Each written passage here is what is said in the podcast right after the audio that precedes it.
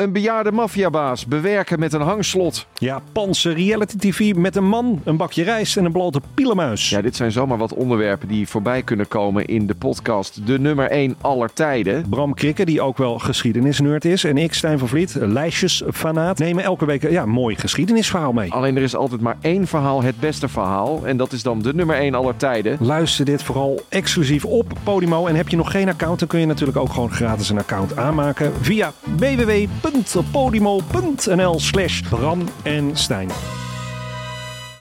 Hoe werd het shirt van het onbeduidende Venetia FC een van de best verkochte voetbalshirts van de afgelopen jaren? Wat is er zo geniaal aan de MLS-deal van David Beckham? En waarom vinden we het normaal dat jeugdspelers gezien worden als investeringsobjecten?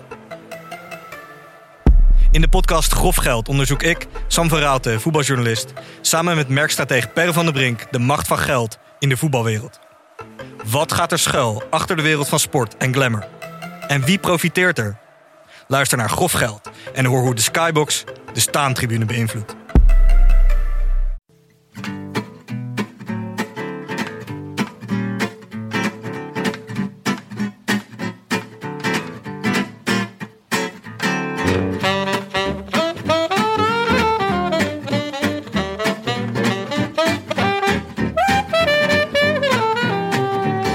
Is maandag 20 november 2023 en live vanuit Ansegem, het Huis van de Liefde, oftewel Casa van Marken, is hier de Rode Lantaarn.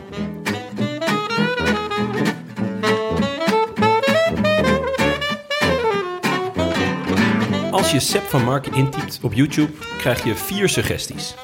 De eerste is omloop. Geen gekke optie, aangezien dit zijn eerste grote overwinning was. En misschien wel het moment van zijn grote doorbraak in 2012. Een echte Flandrien. Grote motor, eet kasseien als ontbijt en komt bovendrijven als het echt zwaar wordt. De tweede optie die ze geven is Roubaix. Ook geen gekke gedachte.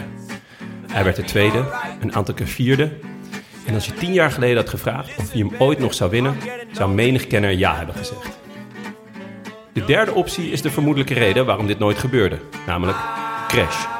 Het tweede gedeelte van zijn carrière werd nooit wat we allemaal van verwachten. En stiekem ook wel hoopten.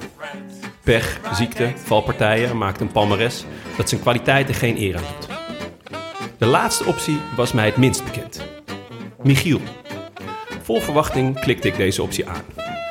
Ik verwachtte een persoonlijk verhaal met de nodige tranen. Persoonlijk was het op een bepaalde manier wel. Het was een samenwerking met sociaal onhandige Michiel. Seth skitterde, mag ik wel zeggen. Samen met dit tekenfilmfiguur in een filmpje eh, wat te doen bij reanimatie. En daarmee komen we aan het onverwachte einde van zijn carrière. Hartproblemen. En daarom komt deze vraag net wat dieper uit mijn hart dan normaal. Wat goed om je te zien en hoe is het met je? Dank u wel.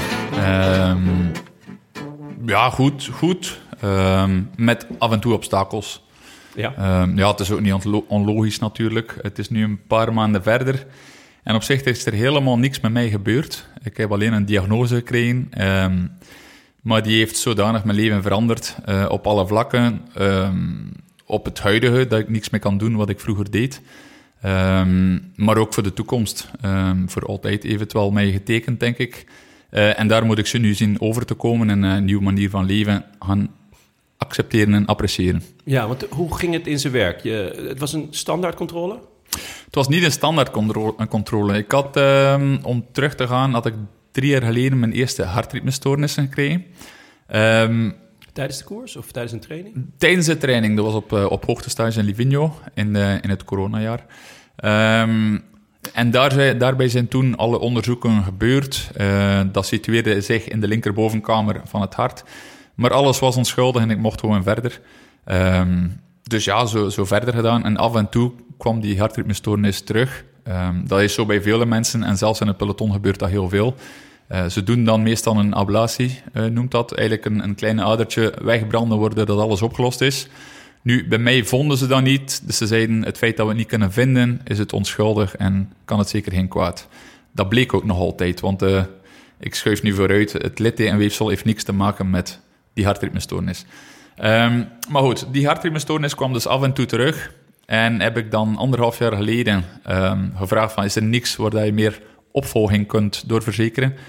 En ehm, dan hebben ze zo een soort eh, chip, kleine chip onderhuids ingeplant. Dat is eigenlijk een EKG, kennen jullie ook waarschijnlijk EKG, Ehm, die permanent 24 of 24 registreert en dat doorstuurt naar het ziekenhuis. En daar kunnen ze in instellen wat ze willen om te kunnen zien. Ehm, en bij mij was er bijvoorbeeld ingesteld alles boven de 200 eh hartslagen per minuut voor langere tijd dan een half minuut. Of alles onder de 30, secon- eh, onder de 30 beats per minuut. Ehm, nu, wat is er gebeurd op het Belgisch kampioenschap? Nu in juni geweest. Ehm, ik had opnieuw hartritmestoornissen. Dat eh Chipke heeft dat geregistreerd en heeft dat doorgestuurd naar het ziekenhuis. En omdat het weer geregistreerd werd en omdat het toch al langer was, het was twee minuten, zeiden ze van ja, kom nog een keer binnen, we gaan nog een keer alle onderzoeken doen. En dan gaan we kunnen kijken of dat het nog altijd veilig is of niet. Goed, alle onderzoeken gedaan, weer met katheters naar mijn hart, eh, alles uitgelokt, eh, de scans gedaan, alles was goed. En ze zeiden, ja, je zal toegelaten zijn om verder te koersen, het is nog altijd onschuldig. Ehm, maar voor de zekerheid gaan we toch een MRI doen om alles af te, af te dekken, maar we gaan niks zien. Oké, dus ja, goed, die MRI gedaan, de dag daarna op, eh, op uitslag. En ze zeiden al van, ja, we gaan normaal niks zien. Drie jaar geleden had ik een MRI gedaan bij die eerste hartritmestoornissen. Hadden ze niks gezien daar ook op. Ehm, dus ik had al gewoon mijn nieuwe hoogtestage geboekt naar Livigno de dag daarna. Ehm, en hij zei als volgt, hij zei, ja, inderdaad, in die linkerbovenkamer, de hartritmestoornissen, is, is niks eh, gevaarlijks te zien. Het is allemaal onschuldig, dus je zou verder kunnen.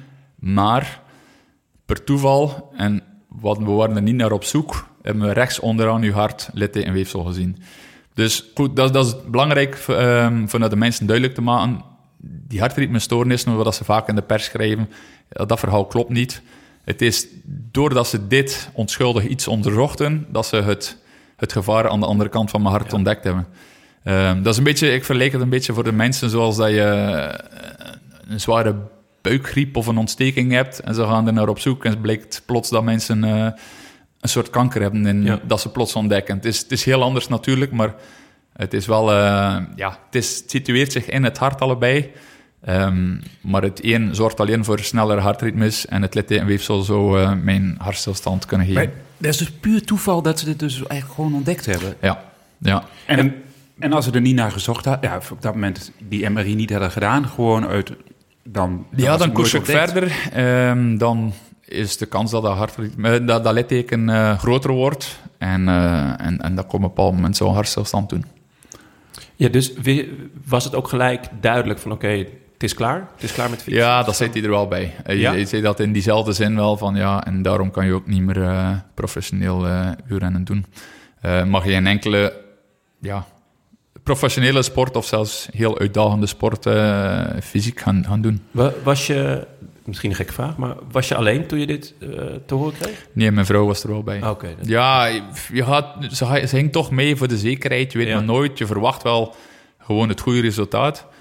Um, want, ja, zoals eerder gezegd, we waren nooit op zoek wat er een eventueel probleem zou kunnen zijn uh, aan de andere kant van het hart, want daar was er geen sprake van. En drie jaar terug op die MRI was er daar ook nooit iets te zien. Dus het feit is, tussen drie jaar geleden en nu is er daar iets ontstaan. Um, de dokter heeft, of de cardioloog heeft dan uitgesproken van, ja, het is normaal gezien door een, uh, een virus à la griep of corona. En um, toen ik een van die dingen had, zeg maar, mensen zeggen dan heel snel, hij heeft te snel beginnen, beginnen koersen of te snel beginnen fietsen. Maar ik heb altijd mijn, mijn tijd uitgezeten totdat ik weer gezond was, totdat ik groen licht kreeg. En dan, wat, wat doe je dan? Ja, begin te trainen. Als het weer goed gaat, na een week of een paar weken, begin te koersen. Maar niemand weet ooit dat er op dat moment bij mij per toeval een ontsteking ja. uh, oversprong op mijn hart. En dat gebeurt bij één, van, één op de zoveel duizenden mensen. Dus dat is gewoon toeval en je kan het niet weten. Dus wat doe je dan? Ah, ik ben weer gezond, ik ben weer te trainen, ben weer te koersen. Maar bleek dat ik eigenlijk niet gezond was, want er zat er een litte in. Of er zat er een ontsteking op. Um, het ding is, ze screenen, ze scannen de mensen na de corona of de topsporters. Maar uiteindelijk, wat doen ze dan? Ja, een echografie of zo, ultrasound. En dat is het. Maar de cardioloog zei, bij mijn probleem, op mijn, tenminste op de locatie waar dat bij mij gevonden werd, konden ze nooit zien op mijn echo. Nee. Dus dan ben je nog altijd niet veilig tenzij je een MRI doet. Ja. Is, het, is het dan, is het dan een, een, topje van de ijsberg of is het echt gewoon een heel zeldzaam probleem?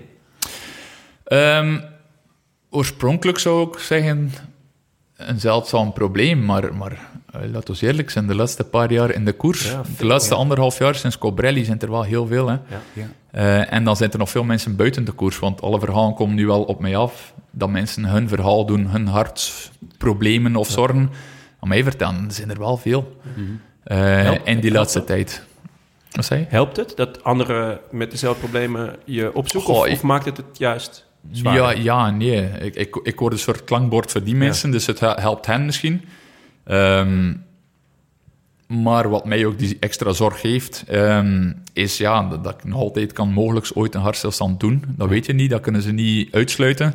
Want ik had ook gevraagd aan de, aan, aan de cardioloog van, ja kijk, als ik nu alles wat mij opgelegd wordt juist doe, ben ik dan zeker safe?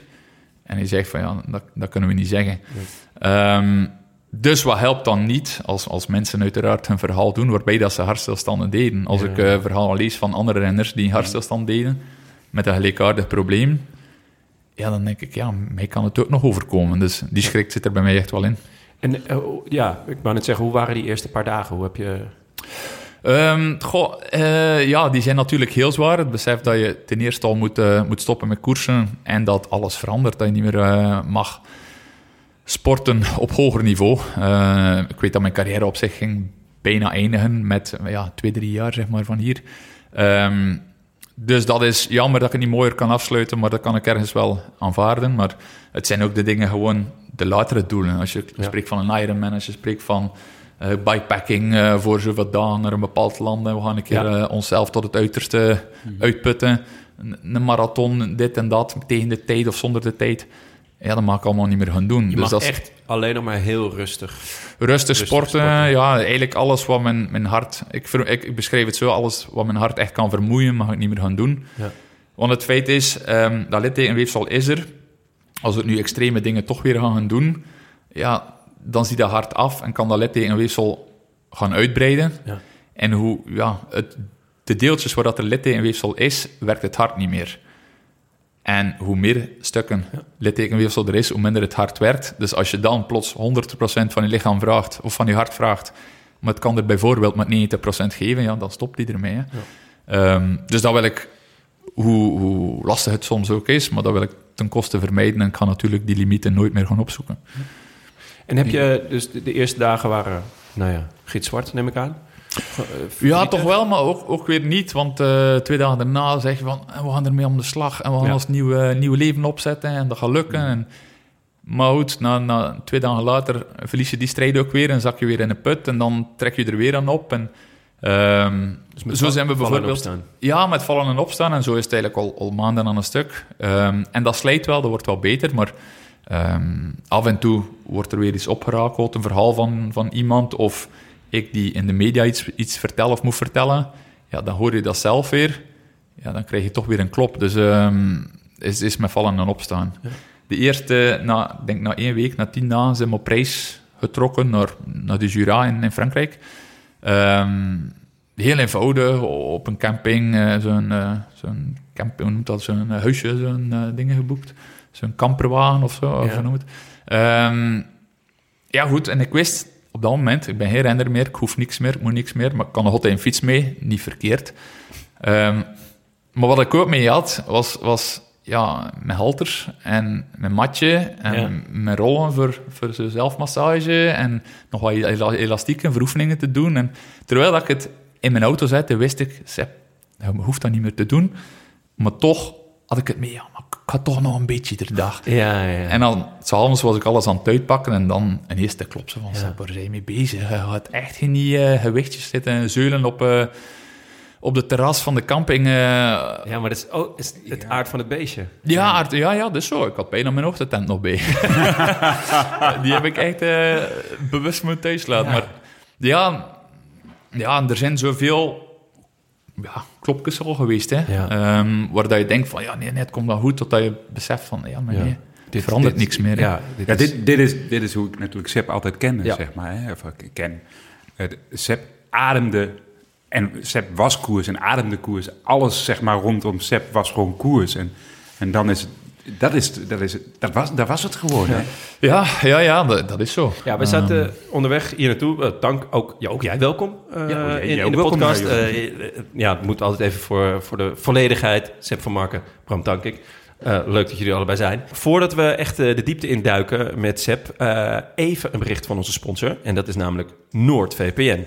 Eh, cyberveiligheid, IP-locatie veranderen. Dus van overal eh, kan je browsen voor nog meer sport kijken. Of zoals we hier nu, eh, ja, hier zou het makkelijk kunnen, de slimste mens België kijken. Maar vanuit Nederland ja, heb je toch even een VPN'tje nodig. Ik heb nu ook nog een nieuwe waarom ik hem nodig had. Zondagavond wordt, eh is een van mijn favoriete series, BBC Planet Earth 3. Ze hebben dus nieuwe afleveringen van Planet Earth. Maar BBC kan je niet terugkijken. Maar via de iPlayer kan het wel. Maar dan moet je dus doen alsof je in Groot-Brittannië zit. En dan kan je die skitterende... eh, kijk je wel eens Planet Earth? Nee, sorry. Echt Ja, nee, nee. Die, die, die schitterende natuurfilms met eh, David Attenborough? Ja, ja en ik heb, ik heb het wel eens gezien, maar ik... eh, ehm, Ja, het is thuis zo'n beestenboel natuurlijk. Ja. Dat, dat jij denkt, nou, ik heb, ik heb wel genoeg dieren gezien. ik word er altijd een beetje angstig van. Echt? Ja, niet, niet om de dieren op zich, maar om, om het feit dat we er allemaal z'n allen verneuken. Klopt, ja. Dat, dat, dat hangt wel een beetje als het zwaard van Damocles ook boven die serie. Maar Ja. het is wel weer prachtig, hoor. Maar heb jij hem nog gebruikt, je VPN? Want ik weet, jij doet eigenlijk niks zonder. Nou, ik ging hier naartoe. Ik denk, ja, Ansegem, daar eh, heb je hem wel nodig. Maar dat blijkt niet te zijn. Nou, we zitten wel echt... Dit is bijna Noord-Frankrijk, toch? Waar we zitten. Ja, en niet ver van, hè. Eh 30 kilometer hier vandaan is Roubaix. Dus eh, Ja. 25 hier vandaan is eh, Frankrijk. ik, ik had ook een roeiboord achter een auto neergelegd, want ik wist niet hoe ver we zouden komen. Eh, dat- ja, nee, maar ja, serieus. Is- ja, het is- van, het is- vanaf. Oh ja, het is wel nog een stukje. De Westhoek is eh, Ah, rond de. Kemmelberg. Eh, tussen de Kemmelberg en de zee ongeveer. En eh, dus dat is toch een uurtje rijden van hier. Sowieso, die achterbak voor jou had een heel interessante lamp ook lag er. Mijn vrouw had weer, eh, was, weer gaan, was weer een winkel ingelopen waarschijnlijk. Oh, wat een lelijke lamp zit. zal ik, dat zal ik eens zeggen. Er staat, stond daar niet een panda op? Nee, een, gouden, een zwarte kat met gouden randjes en een lampenkap. En maar het viel wel mee, want het was maar 1000 euro voor die lamp. Eh 1000 euro, dat is bij NoordVPN natuurlijk niet. Want pak nu je exclusieve NoordVPN-deal bij noordvpn.com slash rode lantaarn... voor hoge korting op jouw NoordVPN-plan. Te beginnen met vier gratis maanden. Nou, wat wil je nog meer? Eh, risicovrij, want je hebt 30 dagen niet goed. Geld teruggarantie. Dat ook nog.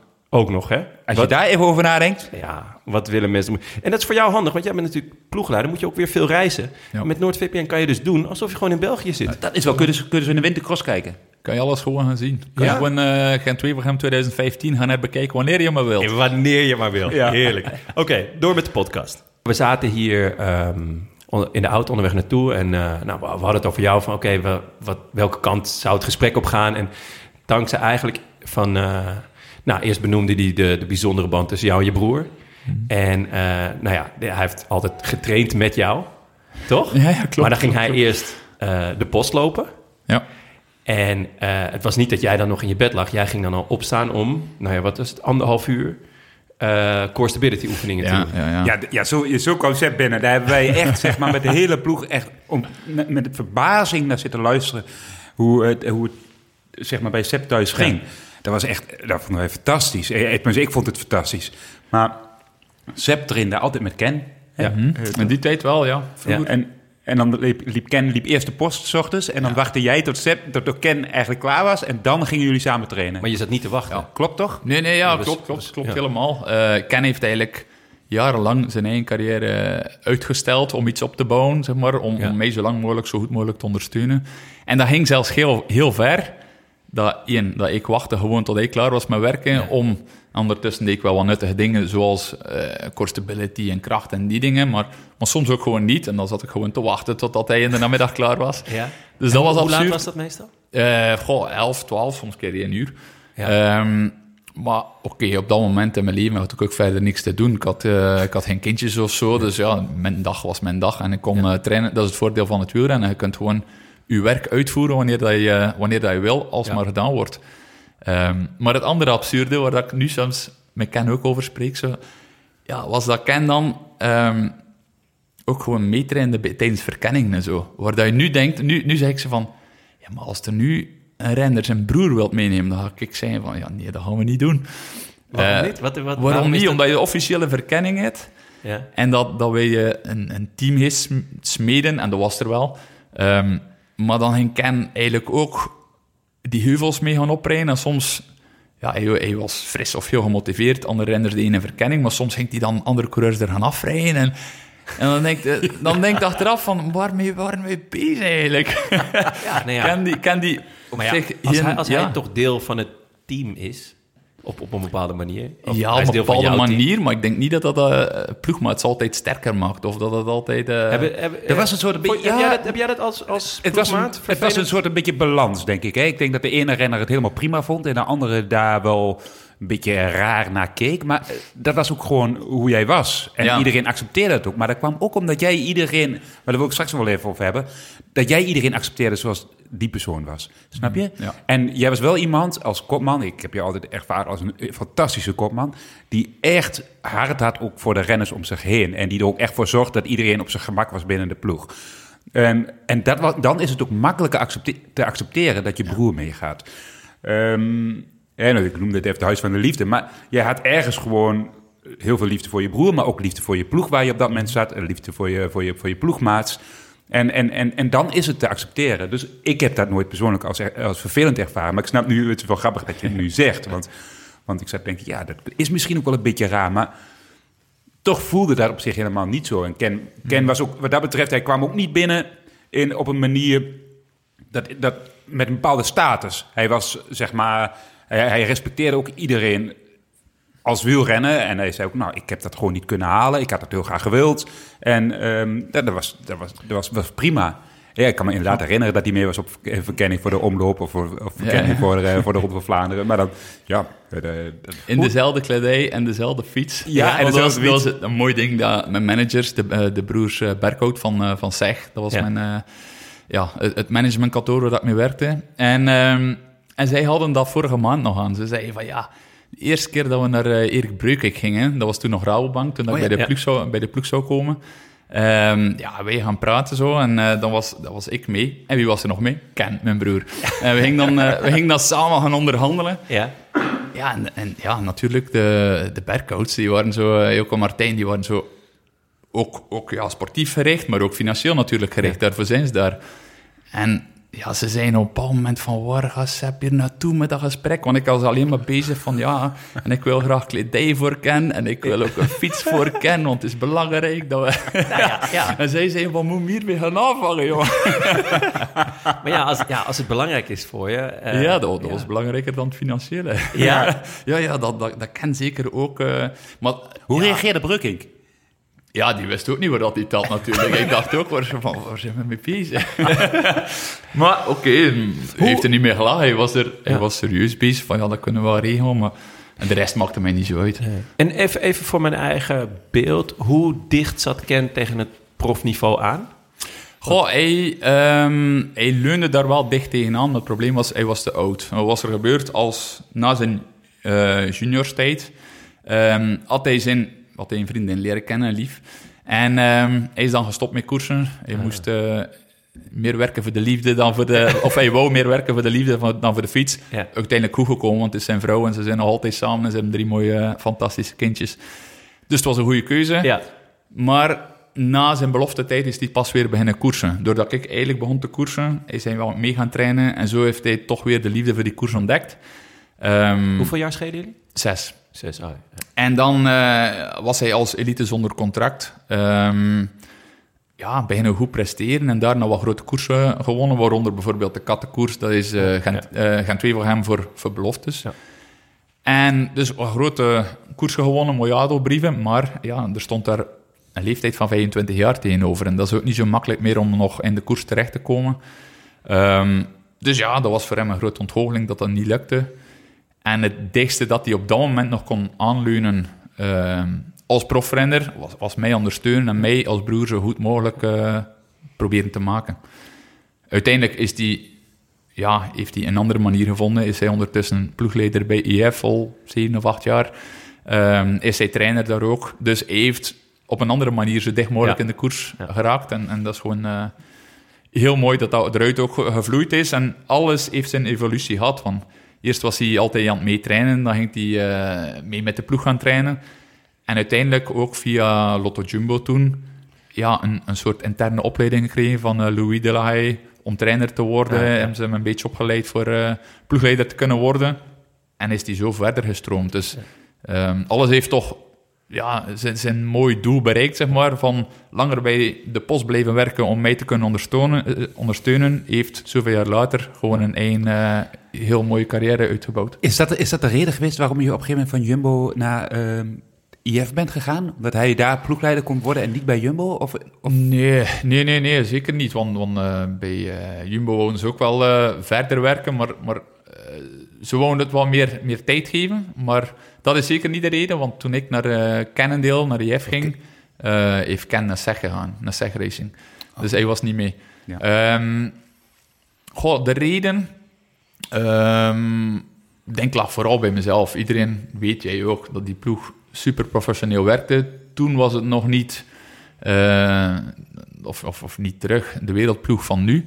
Ehm, maar dat maakte niet uit. eh, voor mij, bedoel de ploegmaats, eh, het, was, het, ging, het liep supergoed. het was superleuk. Iedereen had vechten voor datzelfde doel.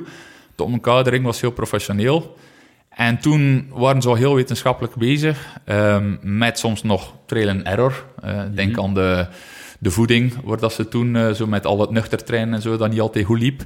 Ja. Eh, ondertussen, met de jaren, hebben ze dat allemaal onder de knie en, en, en doen ze het heel goed. Maar ehm, dat we zeggen, het organisatorische zat ook helemaal heel goed. Maar wat er bij mij, denk ik, op dat moment een probleem was, was... ehm, alles bij Jumbo en zo werkt het bij iedere professionele ploeg die het hoogste wil bereiken, zat heel in vakjes verdeeld en alles was heel goed georganiseerd. Maar zodanig goed dat ik misschien te weinig vrijheid voelde, want ik organiseerde zelf nog graag mijn dingen. Ehm, ik- daar heb ik het een beetje het idee. ehm, Het was wel heel strak waarom dat ik het deed, ja, en, en ik, ik moet kunnen ook afswitchen en ik moet kunnen mijn eigen ding doen en ik denk dat dat minder en minder kon. Ik wist van in het verleden, ik had nog twee jaar bij Garmin gezeten, ja, da- daar was er zo een zee van vrijheid, te veel.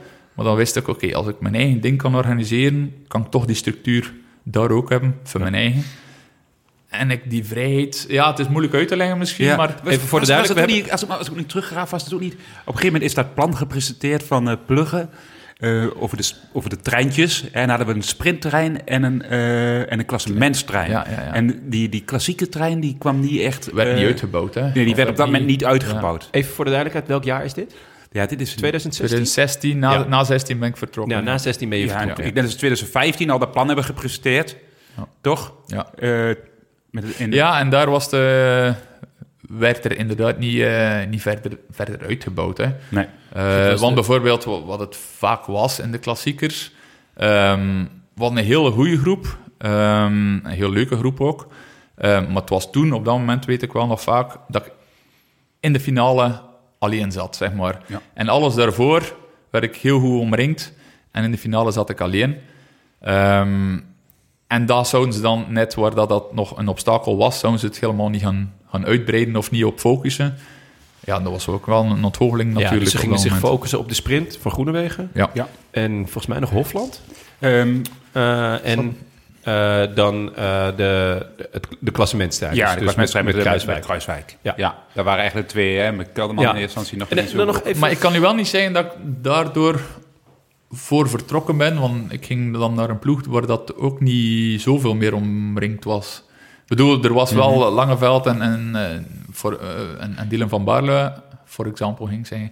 Ehm, maar ehm, Het ging meer om de vrijheid die je... Ga- Ja, ja, ik zat, ik zat niet goed in mijn vel. Er zal ook een reden zijn dat...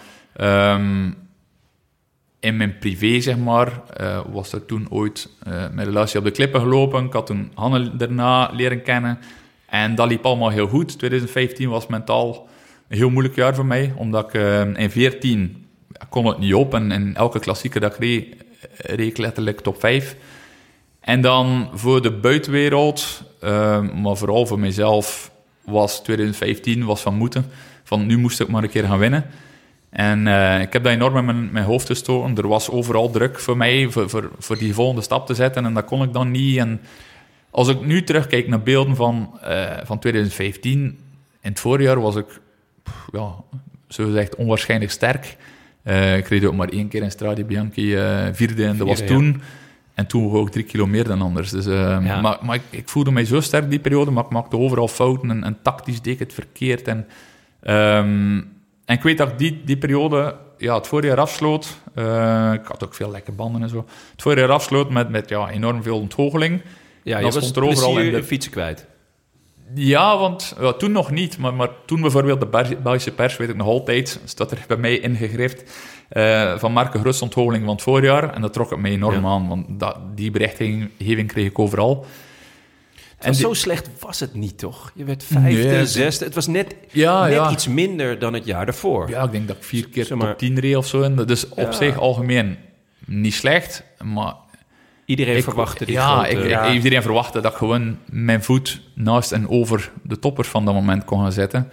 En ik startte ook het voorjaar heel goed. Ik was daar, eh, die, die omloop was ik vierde of vijfde. Vierde. Maar dat was die omloop dat Standard won. Ja. Met die drie man van Quickstep. Ehm, maar uiteindelijk kreeg ik daar twee keer lek op onwaarschijnlijke momenten. Het oude parcours van de, van de omloop als vlek voor de Timeberg reek lek. Oh ja. Ja, kwam ik twee keer helemaal terug in koers. En uiteindelijk ehm, heeft Quickstep liggen rijden van voor om mij niet te laten terugkomen, waardoor dat Standard eh, Ja. de derde hond was. Ehm, maar ja, goed. Dus daar startte ik nog heel sterk, Strade Bianchi heel sterk. En vanaf daarna, dan dachten we van, ja, nu, nu groei ik door en nu lukt het wel. Hè. En dat lukte het allemaal niet. En ik weet dat ik direct daarna, of direct daarna, in, in mei moest ik dan naar Californië, maar ik had er eigenlijk helemaal geen zin in. Dan zat ik daar twee weken in Californië, weg van alles. Ehm, en dan moest ik direct daarna op hoogte drie weken. Had ik eigenlijk geen zin in. Dan moest ik naar Zwitserland, had ik geen zin in. Dan moest ik naar de Tour, zat mijn hoofd niet naar. Dus eigenlijk heel die periode liep niet, mentaal niet helemaal ideaal, maar ik zou mijn, recht- mijn jaar kunnen rechtzetten in de Tour en die kasseirit, die dat Tony Martin won. Ja. Daar alles op alles. Want het jaar daarvoor was ik ook heel goed, toen Lars won, Lars Boom. En toen ben ik van overtuigd, ik niet lek in de finale, dan worden we 1 en 2. En de positie, dat gingen we wel zien. maar 2015, nieuwe kans, nieuwe kassein. En eh, daar zou ik het gaan doen en daar zou mijn jaar goed zijn. Wat gebeurt er in die kasseirit? Ik kan het al raden, tweemaal lek. Eh, is het mijn eigen schuld of niet? Ja, dat laat ik in de midden, want ik kon vroeger wel een soort van eh, geblokkeerd zijn op. Ik had 's nachts in mijn, niet in mijn dromen, maar als ik niet kon slapen, gedacht: ik ga nu op die strook demareren op dat punt. En dan moest ik daar ook op demareren. Ik kon niet wachten tot de volgende strook. Nee, daar zou ik op demareren. Dus dan ging ik ook niet meer kijken waar dat de putjes slaan en zo. Dus, oh, dus die pech zal soms ook in, eh, zal ik hand in eigen boezem moeten steken soms. Maar daar ging het dus ook weer mis. Dankzij onderweg hier naartoe, als jij een kassei zag, dan ging je. En dat, Ja, dat ja. is het als een rode lap op een rode stier. lap op een stier. Ja, en vroeger heb ik dat veel te veel gedaan. Toen ook, als ik 2015 er eh, terug bekeek, bijvoorbeeld vorige jaren op de rollen, als je op de rollen moet trainen, ja, koersopleiding. En dan denk ik ook van, maar hoeveel heb ik daar aangevallen? Hoeveel heb ik daar onnodig gaatjes toegereden, terwijl er nog veel ploegen waren met, met verschillende ploegmaats. En, ehm, dus ja, dat was wel zo. Hè. Ik, ik, ik, ik koerste volledig op intuïtie of adrenaline op dat moment. En dat pakte soms goed uit. Maar ik weet wel, met, met de kennis en de ervaring dat ik nu heb, zou ik vroeger wel meer gewonnen hebben. Li- liet je je wel coachen vanuit de auto? Of had je Hey, van, nee, dit is, als die kasseien eenmaal komen, dan, dan los ik het zelf wel op. Ehm, Ze lieten mij wel veel vrijheid, want ik weet nog dat ehm, de ploegleiders, als we het dan hebben over Jumbo, ehm, Jumbo, sorry, Ja, Ehm, hoor. dat ze mij de vrijheid lieten, omdat ze zeiden, ja, hij moet de koers aanvullen, hij moet de beslissingen nemen. Ja. Ehm, dat, dat was goed om mij die vrijheid te geven. Dat was misschien niet ideaal omdat ik foutjes maakte, maar ik heb nu een paar keer in de volgende meegegaan van een auto, nu op het einde van het seizoen. En nu ervaar ik van, ja, je kunt niet alles als ploegleider direct eh, oordelen, beoordelen. Want je komt gewoon 20, 30 seconden achter met Ja, de tv. klopt. En als je niet top 3 of top 4 zit met de volgende, dan zie je gewoon niks. Dus nu begrijp ik al veel meer dat ze zeggen van, oké, ja, wij laten nu doen. Want de, de, ja, de keuzes die je maakt, zeg maar, zijn zij altijd te laat mee vanuit de volgende. Maar was het ook niet eh, een, een gebrek aan een plan, zeg maar? Als je kijkt naar nu, ehm, hoe Jumbo-Visma koerst, dat is echt met een plan, met, met een heel duidelijk verhaal van hier gaan we dit en dit en dit doen. Terwijl ik het idee had dat dat in die beginjaren zeker niet zo was. Stel, dat had jou misschien wel kunnen helpen nog. Of hoe zie je dat zelf? Ja, misschien wel. Ik had wel het idee, en dat heb ik misschien te veel uitgevoerd. Ehm, ja, er was in die tijd was er of een Bonen met een fantastische sprint, of Sagan met een fantastische sprint, of een Cancellara die een solo kon doen. En velen waren er gewoon aan het wachten, heel de koers. Dat was uh, de periode waar iedereen aan het wachten was. En ik had heel vaak het gevoel, als ik nu niks zou gaan doen, dan gebeurt er niks. En dan rijden we gewoon, dan rijdt misschien Cancellara straks wel nog op zijn eentje weg, maar dan rijden we gewoon met de hele groep er naartoe. Voor mij was het altijd beter als het gewoon een afmattende koers werd, als iedereen met de tong op de grond lag. En zo gingen we nog naar de finale en dan was ik op mijn sterkste. Dus omdat er niemand dat echt uitvoerde, dacht ik van ja, dan zal ik het maar elke keer gaan doen. Ze moeten toch uiteindelijk wel mee. Ja. Ehm, wat dat mij veel krachten kostte. Ehm, maar misschien ja, inderdaad, met een, met een strikter plan, uh, dan kon het wel. Maar ze hadden ook nog niet veel in die situatie gezeten. Hè. Nu weten ze met, uh, met een Wout van Aert als, ja, als, als een persoon die nog veel sterker is, die nog veel meer koersen kan afwerken.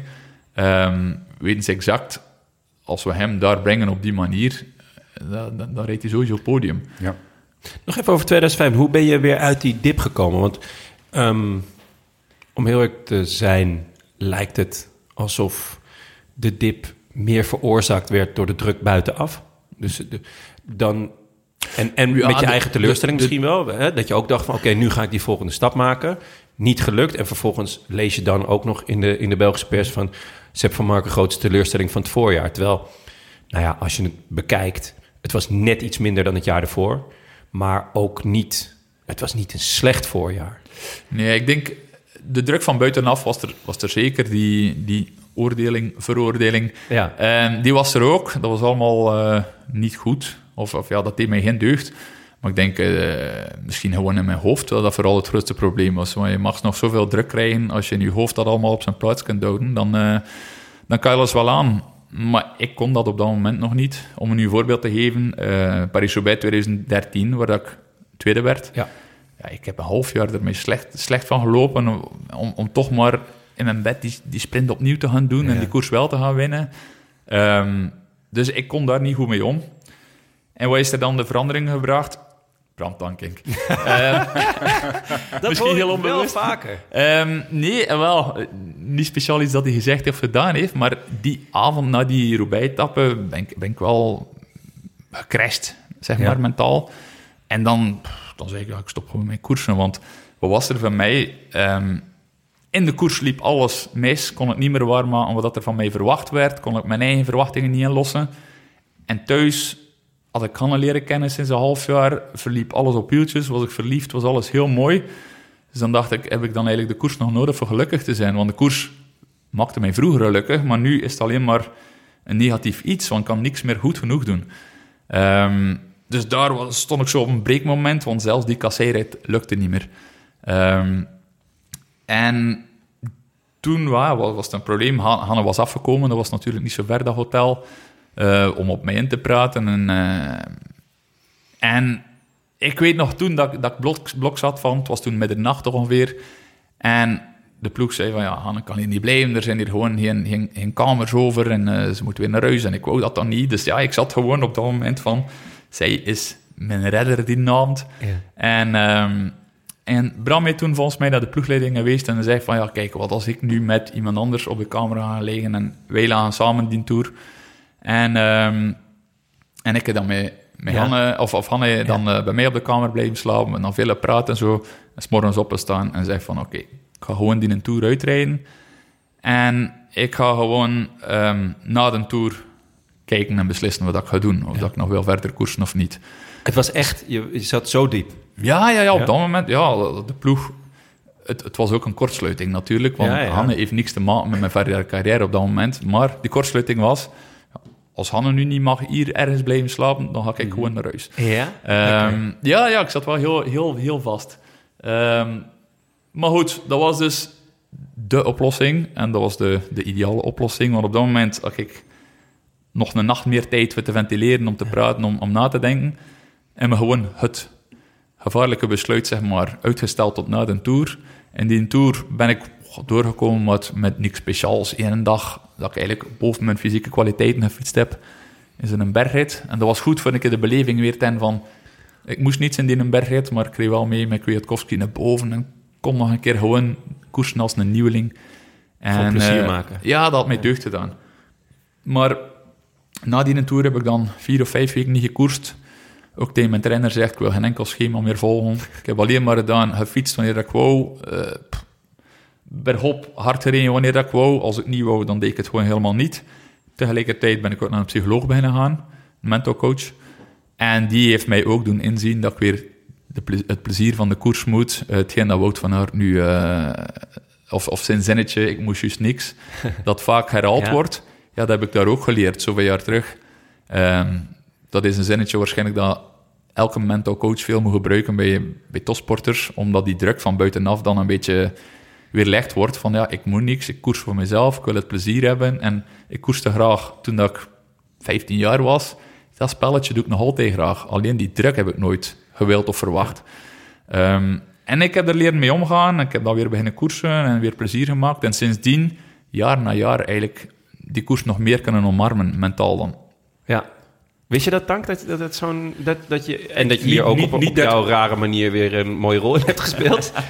Niet dat dit, een, dat dit een kantelpunt was. Ik wist wel, op dat moment ja, zie, je, eh, zie, zie, zie je bepaalde dingen en denk je, ja, dit... We hadden, om heel veel terug te gaan, hè, dus dan moet dat op dat moment gebeuren. Hè, Ja. En dat, dat, zag ik, dat, zag ik wel. Maar andersom, hè, want daar, we een, een jaar terug, 2014, was, eh, was eigenlijk precies hetzelfde het geval, alleen dan andersom. Jij zat eh, slecht toen, hè? Toen zat ik heel slecht in het jaar, voorjaar. Ehm, ik had natuurlijk eh, Vera, die was bevallen van onze derde kleine. En die had een heel moeilijk voorjaar. Die, was twee keer geopereerd. En die zat echt in een put. En op dat moment, ik, ik moest het voorjaar rijden. En in het voorjaar ben je dus gewoon zeg maar twee, drie, vier weken non-stop van huis voor. En misschien drie, vier koersen. En wij hadden met z'n allen afgesproken binnen onze ploeg, eh, Belkin. Hè, hadden we onze normen en waarden bepaald. En familie was een pijler in onze normen en waarden. En, en dat, dat vonden we belangrijk. Maar ook de familie thuis. En toen ben ik naar Sepp gegaan, want Sepp was de kopman. Hè, ik zat heel moeilijk en, ik ben, en hebben met alle renners op tafel besproken. Ik zeg, jongens, ik zit even heel moeilijk. Vinden jullie het oké als ik tussen de koersen door naar huis ga? Hè, want Vera heeft mij nu harder nodig dan jullie mij nodig hebben tussen de koersen door. Maar ik snap ook dat er een bepaalde verplichting ligt ten aanzien Ja. van, de, van de ploeg. Nou, Sepp was de eerste die zei van... eh, ja, als jij het nodig hebt naar huis te gaan, dan moet je naar huis gaan. Ja. Snap je? Dus, dus, en dat heeft mij toen enorm gesteund. En, en eh, daardoor kon ik naar huis. Was ik, en op het moment dat ik op de koers was, was ik toch wel 100% op de Ja. koers. En dat was, voorheen was dat gewoon niet denkbaar bij Rabobank. Je? Dus voor mij Nee. was dat ook een kantelpunt. Want Als jij dat toen op dat moment niet gezegd had, dan was het voor mij gewoon klaar geweest. Want dan had ik gewoon gezegd, nou, dan kies ik voor thuis en dan, eh, Ja. en dan kan ik klassieks niet rijden. Ja. Dus, dus snap je? En, en eh, dat zijn Mooi. dingen die, die gewoon zo belangrijk zijn zeg maar, voor een renner. Omdat, Eh, Was- Ja. En dat was heel anders dan bij Rabobank. Ja? Dat was eigenlijk bij Rabobank nooit kunnen, nooit kunnen zeggen. Eh, Zeker niet met een, met een, met een, met een Fletcher of, of, of ja, Lagersboom in dat geval. eh, die zullen daar, hebben, daar- zullen daar veel minder begrip voor hebben gehad. Maar ook vanuit het ploegmanagement. Maar dat kwam ook omdat we dat niet met elkaar hadden afgesproken. Ja. Bij Belkin hadden we dit met elkaar afgesproken. Eerlijkheid, openheid en, en een aantal zaken. En, dat- goed, en dat was ook de persoon, Zep, Ja. die daar dan zit. Laat, laten we dan even teruggaan naar Belkin. Want jij eh, maakt de overstap naar Belkin. Eigenlijk op een best een raar moment. Eh, namelijk dat de hoofdsponsor... Blanco, ja, ja, Blanco. Mhm. Die, hield, hield ermee op. Je, je ging naar Blanco. Eh, je kwam met, nou ja, eh, een mooie adelbrief. Namelijk winst in de omloop. Eh, wat voor ploeg kwam jij in? Wat, wat voor ploeg en, en wat was jouw status... eh, zowel binnen de ploeg als, als in het peloton? Wat was de verwachting eigenlijk? Goh, dat wist ik zelf niet. Het heeft eigenlijk eh, heel mijn carrière geduurd tegen dat ik mijn eigen status kon snappen en zelfs helemaal niet. Ehm, het is mij nooit gelukt om, om mijn positie te snappen, zeg maar. Ehm, maar wat was mijn, mijn, mijn positie binnen de ploeg? Ja, dan, dan kwam ik wel binnen als ja, jonge kopman naast Lars Boom voor de klassiekers. Ja. Ehm, Je kwam van Garmin. Ja, ik kwam van Garmin. Ik had, ja, mijn grootste adelbrief was dan de omloop in het jaar daarvoor. Ja. Ehm, en toen ja, heeft in die eerste stage en zowel eh Marijn Zeeman ook mij, mij bij de hand genomen, zoals dat hij bij iedereen zal doen, van oké, dit moet je gaan doen, moet, eh, om, om leider te zijn. Ik was nog nooit kopman geweest.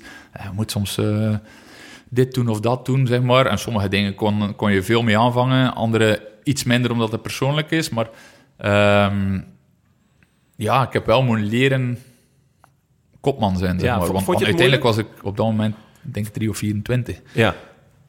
Dus je, je kwam wel echt eh, als, nou ja, toch eigenlijk als best grote, grote jongen al binnen, terwijl je eigenlijk nog voor je, voor je eigen gevoel vrij jong was. Ja, dat wel. Hè. Ik, had die, ik had die omloop wel gewonnen, maar ik, ik was nog niet per se volwassen of zo. En eh, nu moest ik plots een leider of, of, of kopman zijn van een grote ploeg. Ehm, had ik dan heel ervaren mannen zoals Tank die, die mij dan zouden gaan helpen en begeleiden. En, ehm, dus ja, dat was, dat was een serieuze taak. En ik kon dat ook niet zomaar zien als van, oh ja, we doen maar iets en het is een spelletje. Nee, ja, voor mij was dat... Ja, ik heb daar heel mijn carrière wel, ik zal zeggen, last van gehad. Van, ik had die verantwoordelijkheid. En ik had een grote verantwoordelijkheidszin van, oké, heel die ploeg, bijvoorbeeld het voorjaar, ja, die helpt mij. Dus ik kan maar beter die resultaten gaan... Het is mijn plicht om resultaten te gaan boeken. En misschien heb ik daar soms de fout ook in gemaakt om niet te durven gokken. Want ik vond het elke koers weer mijn plicht voor er te staan en voor die resultaten in de bus te kunnen voorleggen en tegenover de staf te kunnen zeggen van ja, kijk, iedereen werkt hard. En als ik degene ben die moet uitgespeeld worden, dan moet ik daar een goed resultaat voor kunnen leggen. En dan is het veel moeilijker om hokken te wagen en zeventiende te worden. Dan, eh, Ja. dan was het vaak beter derde of vierde, Ja. maar dan kunnen we toch... eh, Je durfde niet alles of niets te spelen. Dus je durfde eigenlijk niet te verliezen. ja, te weinig misschien wel. Hè. Ja. Ja. ik zal dat wel eh, een paar keer gedaan hebben, maar veel te weinig. Dat, dat is eigenlijk wat ik ze- zei toen we hier naartoe reden. Van, Ja. Eigenlijk was Sepp een te weinig klootzak. En, en, en te lief misschien. Maar nu zeg je eigenlijk zo vooral verantwoordelijkheid richting, eh, richting je ploeg. Ja, dat is Om, zo. om die resultaten te kunnen overleggen. Te lief als kopman, wat, wat, wat houdt dat in? Wat moet, wat moet ik me daarbij voorstellen? Het is- Nou ja, misschien, kijk, te lief. Dit is vooral dan wat ze In de eigenlijk koers? zelf zegt. eh, Te verantwoordelijk. Ik Ja. moet een, een resultaat neerleggen waarbij je dus jezelf. Hè, want aan de ene kant, ook eh topsporter, je zei het net al, de druk van buitenaf. Maar ook de druk intern die je jezelf oplegt. En, en die was bij jou een heel groot plusje verantwoordelijkheidsgevoel. Dat je ook je achteraf, zeg maar, eh, dat ken je ook, alles gaat analyseren. En, en je zegt net, ik heb een half jaar wakker, wakker gelegen van het feit dat ik tweede was van, eh, in Parijs-Roubaix. En die sprint ben gaan analyseren. Ja, ik denk, dat, dat, is, dat is heel heftig als je als, als topsporter, want om daarmee te leven. Op een gegeven moment, om, om, want je verliest natuurlijk veel vaker dan dat je wint. En, en dan moet je er heel snel kunnen schakelen. En dat kun je ook. Alleen daar nog zo lang van wakker liggen, dat is dan die, liefheid, zeg maar. Want ergens komt dat voort uit. Ik heb mijn team in de steek gelaten, ik heb mezelf in de steek gelaten, ik heb mijn familie in de steek gelaten. Ik heb, eh, dat, dat is, daar, daar komt het uit voort. Want als je dat allemaal niet hebt, als je zo als een psychopaat door het leven gaat, dan denk je, ja, eh, ik geef er geen zak op wat de rest van de wereld van me Nou. Maakt daar niet uit dat je er, verliest. je hoeft ervoor nog geen psychopaat te zijn, maar... Ja, Nee, nee, nee, maar, nee, maar snap je? Maar het ligt er vooral aan, eh, denk ik, of je, of je bepaalde eh, dingen in een ander perspectief kan zetten. Je kan een half jaar wakker liggen van een verloren sprint. Je kan ook denken, ja, ik ben wel tweede geworden in Roubaix. Ja, klopt. Dat is, dat is de instelling. Ja, Ja, en dat dat, is- is, dat, is, mij misschien nooit helemaal goed gelukt. Tot op het einde van mijn carrière, waar dat die druk ervan af was. De mensen verwachten het niet meer. Ze hoopten alleen maar dat ik Ja. nog ging goed Ja. presteren. Ik zelf ook. En bijvoorbeeld, eh, ja, de laatste Gent 2 van hem. Ja, ik was derde, dat was gewoon een overwinning. En iedereen was zo tevreden. En dat was eigenlijk een veel leuker gevoel. Ja, dan tweede worden in Roubaix, waar dat eigenlijk een volledig gemiste kans was. Ja, dat, dat kan ik me nog herinneren, want ik heb je nog een berichtje gestuurd toen. En toen stuurde je zelf ook terug van, eh, ja, fantastisch. En ik ben hier echt super, super blij mee. Ja, En- en, en, dat vind ik wel jammer in, het, in de eerste helft van mijn carrière, dat uiteindelijk de beste bleek. Ik heb nooit echt genoten van enig resultaat, want het was nooit winnen, het was nooit goed genoeg. En, Ja. en die druk dat ik mezelf waarschijnlijk oplegde, was, was immens, want ehm, ja, als ik mijn eerste ronde van Vlaanderen, weet ik nog, maakte een vuistje over de meet van yes! Maar eens dat ik bij de verzorger was, dacht ik, oh nee, ik heb niet gewonnen. Dat Ja. moeten winnen. En dan, dat, gevoel primeerde weer. En het is wel jammer dat ik- je, je, je kunt en je moet ingesteld zijn om te winnen. Ja, maar dan moet je echt veel ontgoocheld zijn ook. Hè. Dus dat ik doorheen mijn carrière nooit trots geweest eh, op de dingen dat ik wel presteerde. Ook al waren het uitslagen en overwinningen. Wanneer, wanneer was het kantelpunt dat het moeten mogen werd? Ehm, wel, vanaf die 2015 En bijvoorbeeld die 2016 daarin pakte heel goed uit. Ja. Want dat werd ook een heel, heel goed voorjaar. En daarna was het op en af. Je verliest toch weer de periodes waar je alles geleerd hebt. Dat je toch weer een beetje vervalt in de druk. En dan pak je dat weer op. En dan...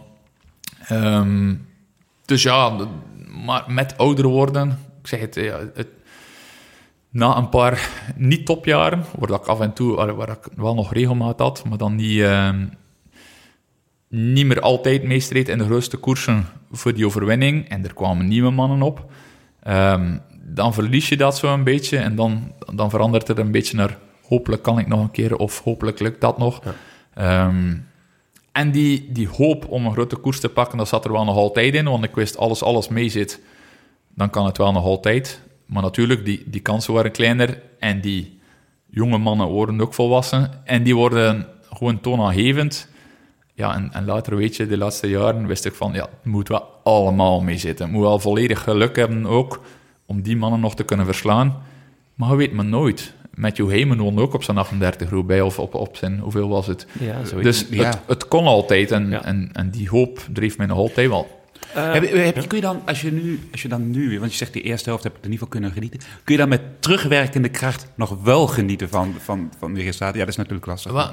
Nu, ja, dat is moeilijk te zeggen. En ik, ik, ja, ik stoef ook niet graag met mijn eigen of zo, maar ik kan nu wel denken van, oh, maar ik heb eigenlijk wel veel gepresteerd. Als ik, als ik mag presteren en uitslagen noemen. je en zit die hier met Nederlanders, hè? daar doen wij niet moeilijk over. Oké, maar ehm, ja, ja, dan heb ik toch wel veel gepresteerd. En als er eh, bijvoorbeeld afgelopen voorjaar, voor, voor het voorjaar, was er zo'n Buisse journalist die een enorme statistiekman is.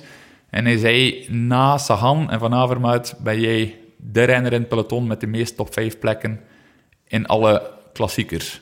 Ja. Dacht ik, ik ja.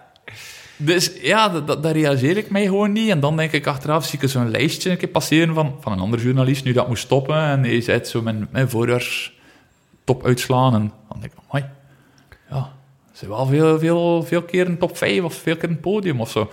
Dat ik het eigenlijk nooit helemaal beseft heb. En als ik dan verschillende renners nu bezig zie, dan denk ik, ah ja, ja, ik eigenlijk inderdaad meer keer vooraan geëindigd dan die mannen. Eigenlijk ben jij zo'n beetje de Wilco Kelderman van het klassieke eh, voorjaar. nee, maar, eh, dat is toch, ja, maar dat is toch fantastisch? Want je hebt niet alleen zeg maar, top 5 gereden, want er kunnen meer, je kunt top 5 rijden, maar jij was wel iemand die altijd dan de koers draagde. Droeg. Ja, ja. Ehm, ja, klopt. Ja. Ja, want uiteindelijk 2015 was, nou ja, voor je gevoel je dieptepunt. Je, je zat tegen, hè, heb ik er nog plezier in, is het nog leuk? 2016 eh, maak je een, een besluit dat ik wel vaker zie bij klassieke renners. Je besluit de omloop over te slaan. Ja. Wat voor liefhebbers van de omloop, waar ik mezelf zeker toe reken, enorm jammer was. Maar Ik heb tien jaar lang Belgische media tegen mij gehoord. ja, ja, ja, Dat was alsof dat ik iemand vermoord had. Ja. Want ik had één keer de omloop Eén keer de overgeslagen. omloop, ja. Maar Ik weet nog dat het wel, het speelde vaker in het voorjaar. Klopt, hè? ja, Dat- want dat speelde bij jou. De omloop is, is natuurlijk een, een, een soort van vooruitgeschoven pion. Eh, je moet eigenlijk pas anderhalve maand later eh, goed zijn. Eh, en dat pakte eigenlijk ook wel goed uit, toch? Ja, dat pakte had- heel goed 2016 was een heel goed jaar. Ja. Alleen net niet de, die, die overwinning waar je denk ik zo naar hunkerde. En die je dan misschien ook wel nodig hebt. Omdat je anders die hele, dat Belgische journaal op je... ja, nee, nee. Op, dat, op dat jaar had ik het niet meer nodig. Nee? Want eh, 2015 werd qua uitslagen een, een ontgoocheling. Zeker qua mentaal, op mentaal gebied was het heel zwaar. En 2016 kon ik dan weer in dat korte klassieke voorjaar eh zeven in Arobeek, eh, tweede en twee van hem, derde in de Ronde van Vlaanderen, vierde in Roubaix. Ja, Dus dat was gewoon echt heel goed. ja, dat waren topuitslagen. Ja. En ik was vooral blij dat ik er terug stond. Ja. Na een jaar die moeilijk was geweest. Dus ehm, natuurlijk had ik graag willen willen, maar ik was heel blij met de uitslagen dat ik daar kon neerzetten. Had je ook wel weer meer plezier? ja, ja, ja, want, want En lag dat dan aan de uitslag of, of aan het feit dat je gewoon eh, weer lekker aan het fietsen was? Alle, alles tezamen natuurlijk. Ehm, ik had toen al een half jaar met een, psy- met een mental coach gewerkt. En ja, dat bracht gewoon een resultaat op. Want ik kon daar dat voorjaar... Ik ben nooit zo vrij geweest als dat voorjaar. eh, In mijn hoofd. Ja. En en dat bracht gewoon op de, dat ik juistere keuzes maakte. En alles viel ook op zijn plooi. Ik was, ik was in heel goede conditie. Dat was de eerste winter dat ik ooit met een diëtist werkte. Was ik nog een paar kilo's afgevallen. Dus ik stond heel scherp. Zelfs al maakten we fouten. Bram, ik weet niet of je nog geen twee van weet. Ja. Waar dat we in eh Wire 5 zaten of zo. Want er zou wel niks gebeuren in het begin. En Bram en ik waren niet mee. We hebben van groep naar groepen gereden. En Bram heeft daar eigenlijk mijn koers ook gered. Want wij zijn samen 100 kilometer achtervolgd. Met een hele groep in ons wiel. Om uiteindelijk en, tweede te eh, worden. en Bram zich leeg gereden 150 kilometer van de meet. ja. En uiteindelijk, aan het einde van de rit, word ik daar nog tweede. Dus ja, dat was, dat was fantastisch. Want moet ook eerlijk zijn, in een sprint ging ik zijn hand heel moeilijk gaan kloppen. Ja, ja, ja. Ehm, dus die periode was alles gewoon ja, heel goed, heel mooi. Ehm, we komen zo meteen, eh, nou ja, bij het zoet. Je, je, ik ben benieuwd naar, naar, naar wat jouw mooiste overwinning is... of jouw mooiste moment op de fiets. Eh, maar we hebben ook een, een vraag, opvallend genoeg van John van Loen... maar ook van Pieter van Kan. Ehm, en die gaat over Roubaix. Roubaix is nu al een aantal keer gevallen. Ehm, je leek sterk in de sprint van Parijs-Roubaix 2013 tegen Cancellara. Hoe kijk je er zelf tegenaan? En het tweede gedeelte is eigenlijk ook over Roubaix. Welke Roubaix had je mo- moeten winnen? 2013 tegen Cancellara, 2014 tegen Terpstra of 2016 tegen Hemen? Ik denk... 2019 tegen Joubert. Ja? Ja, Was dat? Ja. of had ik die keuze niet? Nee, ja, hij wordt hier niet genoemd, maar zeker. Hij, mag, 2000, ja, hij ehm, mag absoluut, ja. Goh, wel, ik zal het eerst beginnen bij het begin. Die sprint tegen Cancellara in 2013. Eh, fysiek was Cancellara overduidelijk de sterkste. Ehm, dat, dat voelde ik wel al in de hele finale. Ehm, maar laten we zeggen, een, een mooi feit, of niet zo mooi feit, in die koers was dat ik op 40 kilometer van de weet ehm, mijn voorrem losgeschroefd heb. Dat is een detail dat er eigenlijk niet veel mensen weten, maar ik heb heel die finale zonder voorrem gereden. Oké. En dat was op, eh, in het bos, dus 100 of 90 kilometer van de finish, brak mijn voorwiel. En ja, ik durfde nooit wisselen, maar dat, dat schodderde altijd. En, eh, maar dat begon zo meer en meer te worden en dat begon heel aan te lopen. En ben ik op 40 kilometer van de meet naar de, naar de, de neutrale motor geweest. En gewoon mijn rem losgewezen en zo kon ik verder. Dat is een detail. Ehm, Dus je, hoe lang heb je met een gebroken voorwiel gereden? eh, 40 kilometer. 40 Oh, nee, nee, 90 kilometer. 90 kilo, oké. Ehm, en ik heb dat wiel nog altijd thuis. Want ik heb toen Ja? aan de hoofdmechanieker van, van toen in het geheim gevraagd van ja, dat voorwiel is wel een belangrijke betekenis in mijn carrière, want dat was mijn eerste monument dat ik het podium kon rijden. Ik heb nog altijd dat voorwiel thuis. Ehm, dat vind ik goed zeg. Ja, dat vind ik mooi. Ja. ehm, dus waar zat ik? Die sprint. Ja. Ehm, ik had een paar fouten gemaakt, ook al in die finale. Dat is ook niet over de sprint, maar toch. 7 kilometer van de meet ehm, zijn we nog met twee over. Ja. En Cancellara had proberen te demareren in hem op dat stukje vals plat omhoog. Had mij er net niet los. Ik stond echt volledig op breken. Maar het moment dat ik ging stoppen, dat ik niet meer kon, stopte hij ook. Ja, dus ja, ik ging eraan. En dan komt hij naast mij. Als ik weer overpak, dom van mij, waarom moest ik overpakken? Je wil Ja. mij net proberen te lossen. Dus dat was al een eerste fout. Tweede fout, ik kom naast mij. Je zegt, Seb, how do you feel? en volledig uitgekookt ben ik doodeerlijk. en zeg ik, I'm fucked. ja, dan moet je vooral tegen een van de grootste tactische smeerlappen van peloton ja, zijn. ja, ja, ja. En ik zei, ik zei, ja, ik was 23, hè, dus heel naïef en braaf. En ik zei tegen hem, en you? en hij kijkt mij aan en hij zwijgt en hij rijdt gewoon door. En ik zei, en you? Dan rijdt hij dus niks meer. Toen had ik al direct door van, shit, Seb, wat heb je nu gedaan? Ja. Dus ja, dat was ja, goed, tactisch gewoon een schot in mijn eigen been. En wat later komen we de piste op. Ik zit in tweede positie. Ja. Ik wil daar liefst blijven, maar hij begint zo te surplassen. Wil ik meedoen, maar ik heb geen voorrem. En voor goed te surplassen wil je toch een voorrem. Dus ja, ik verlies dat klein spelletje al, dus ik ga naar de kop. Ja, ik vroeg het me af. Van waarom pakte je daar nog Ja, dat is, is daarom. Ja. En, maar niemand heeft ooit geweten zeg maar, dat ik zonder rem aan het rijden was. Hij Ja. ook niet. Nee. Ehm, alleen in de bochtjes moest ik wat eh, opletten. En, eh, Maar goed. Ehm, maar dan rijd ik op kop in die piste. En in de laatste ronde ja, rijd ik bovenaan, zoals iedereen dat doet. Ja. Ik, had, ik had niet veel pisteervaring, maar die piste is nu niet zo moeilijk. En je weet gewoon bovenaan en dan Ja. kun je gaan zakken. En laten we zeggen, ten eerste, het was mijn eerste monument dat ik in de finale zat voor de overwinning. Dus ik was doodnerveus. Mijn eerste keer dat ik zes uur in een finale koerste. Dus ik was doodop. en we kwamen aan het bordje 200 meter. En we zaten van boven en ik, ik begon zo in paniek te schieten. Want Sept is minder dan 200 meter. Je moet beginnen sprinten. Omdat je altijd start op 200 meter zo. En als je je hersenen niet meer veel werken na 6 uur, dan ben, Ja. ben ik beginnen sprinten. Ben ik steil naar beneden gegaan voor mijn snelheid te pakken. Maar ik gaf hem wel de vrijheid. Want wat ik pas achter de koers besefte, en dan, dan ben ik ook beginnen huilen en beginnen ontwikkeld zijn, en was van, eigenlijk had ik hem volledig in de tang. En dat wist ik op dat moment niet. Nee. Maar ik zat bovenaan te rijden en Cancellara zat met zijn voorwiel tussen mij en de, en de, Ja. en de balustrade. Ja. Dus ik kon eigenlijk geen kant op, maar dat, dat besef had ik niet. En in paniek ben ik na die 200 meter op 180 of ze beginnen sprinten. Op zich een goede afstand voor een sprint. Alleen zit in Roubaix met benen die niks meer kunnen. En als er dan iemand achter u zit die fysiek eigenlijk nog beter is, ja, dan gaat hij gewoon, kant over u. Had ik hem bovenaan Ja. Tegen die kant houden, dan komt hij nooit een kant op. Want de enige dat hij kan doen, was remmen. En Ja, maar op het moment dat hij remt, in ben ideaal scenario, dan begin ik te sprinten en pakt hij mij nooit terug. Dus fysiek was hij altijd de betere, maar dat is wel mijn grote gemiste kans voor op een tactische manier Ja. Roubaix te winnen. Ja, ja, ja. En dat heb ik direct daarna beseft. En vandaar dat ik een half jaar aan een stuk die sprint heb liggen herdoen in mijn bed. Echt zo, ah, had- ik hem wel vasthouden. En ik heb toen nog ook naar, naar Theo Bos, dat toen ploegmaat was, ook met hem gaan vragen van wat, wat ik moet doen. En, en hij zei ook van, ik kon hem van boven houden. En, en als je begon te sprinten, veel langzamer zakken. Want nu ben ik als een pijl naar beneden gegaan. Dan krijg je op heel korte tijd veel snelheid.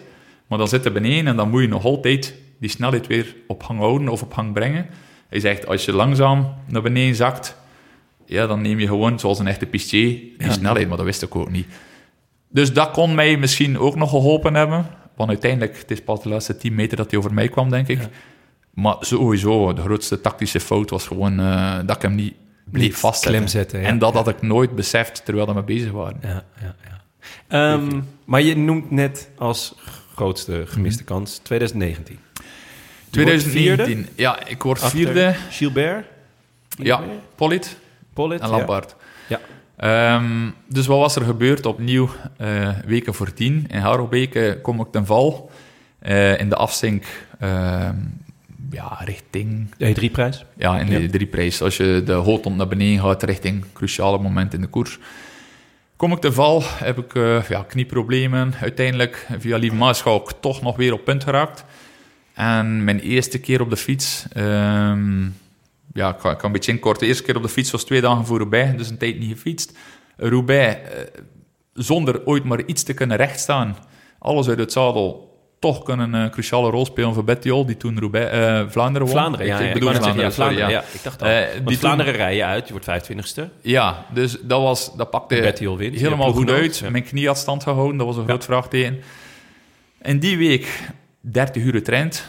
Dus no- normaal doe je dat niet, want uh, Roubaix, Tussen- bij tussen ons- Vlaanderen tussen en Vlaanderen en Roubaix heb, heb ik liggen trainen als een gek Ja. om toch nog iets van die Roubaix te maken, omdat ik voelde in Vlaanderen, ja, die knie wou nog niet helemaal mee, maar die fysiek was er wel. En ik had gewoon tien dagen verloren.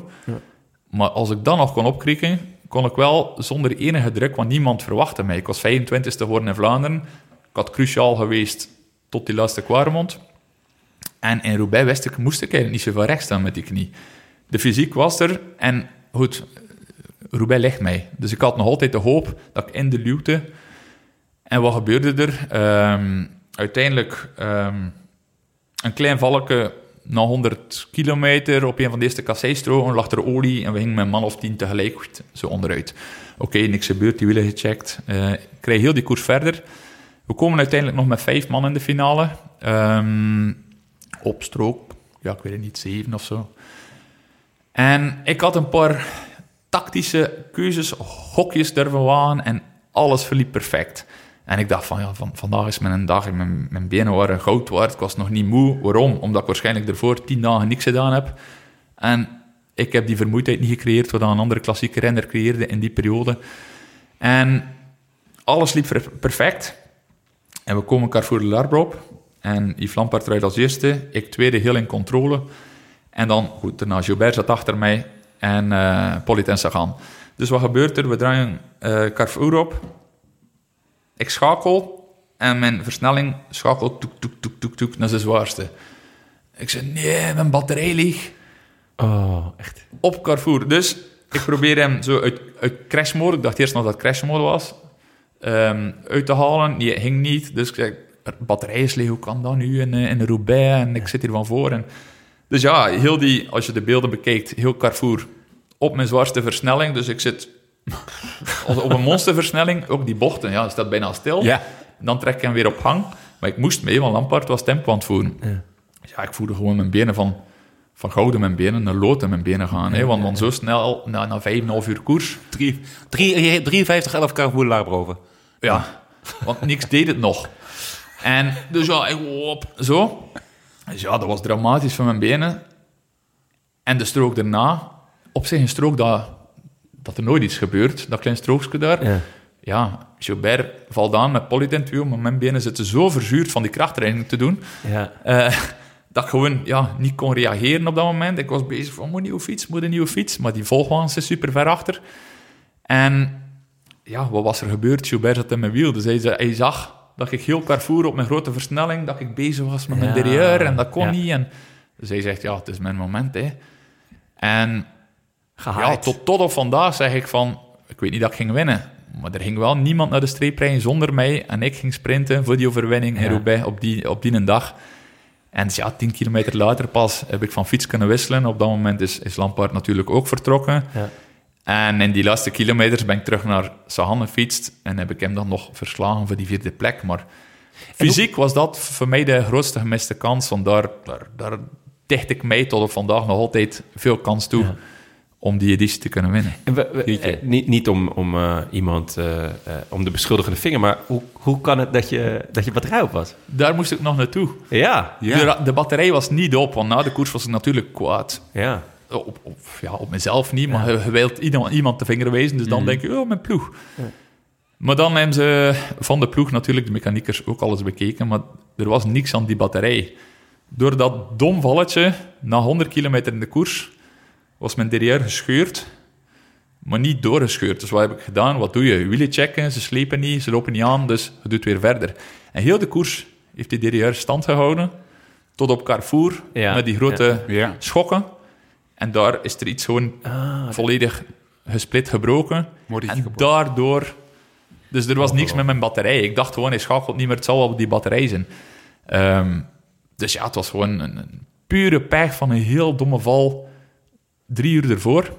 Maar dat heeft wel gemaakt. Dat zijn Ja. een van de dingen dat, dat ik uiteindelijk de kans niet kreeg voor Roubaix te gaan winnen, die editie. Dus ja, voor mij bleef dat een, een puur fysiek een grote ontgoocheling. Was je hier, was, was, was je hier op je allerbest? Ehm, goh, dat is moeilijk te zeggen. Op, op meerdere momenten ben ik op mijn best geweest, want ik denk dat ik alle voorjaren er wel stond en op een of andere manier ging het dan mis of kon ik het dan niet. Dat, het ene voorjaar, als ik spreek over 2015, dan zei ik van ja, mijn benen konden alles aan, ik was zo sterk, maar ik deed wel tactisch alles fout. Ja. 2019 was het misschien die dag ook heel sterk, omdat ik... Ja, soms is het ook een voordeel van die blessures. Ik heb dat wel vaker gehad, blessures, en nog veel meer blessures dat er niemand van wist. Ehm, maar dat, ik- dat ik in Harelbeke plots tien dagen niet kon fietsen, dus mijn lichaam werd zo fris, dan heb ik die 30 uur mee afgemat.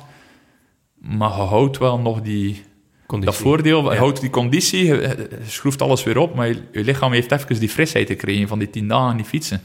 En ik denk dat dat daar eigenlijk een soort supercompensatie werd. Ja.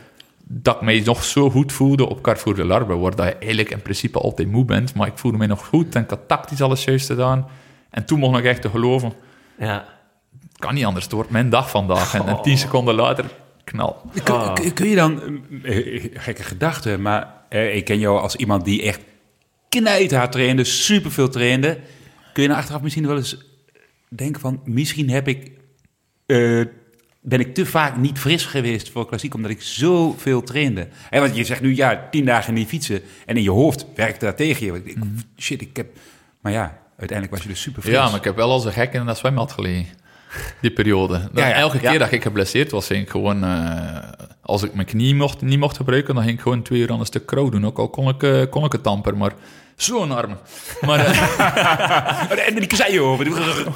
echt, jongen, die kleedhokjes zo. Ik voelde mij een bodybuilder.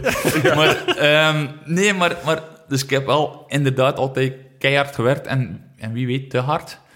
Maar misschien dat ik de rand van het gebeuren te veel deed. Want ik weet nog, en nu denk ik ook soms van, Sepp, jongen, wat deed hij allemaal?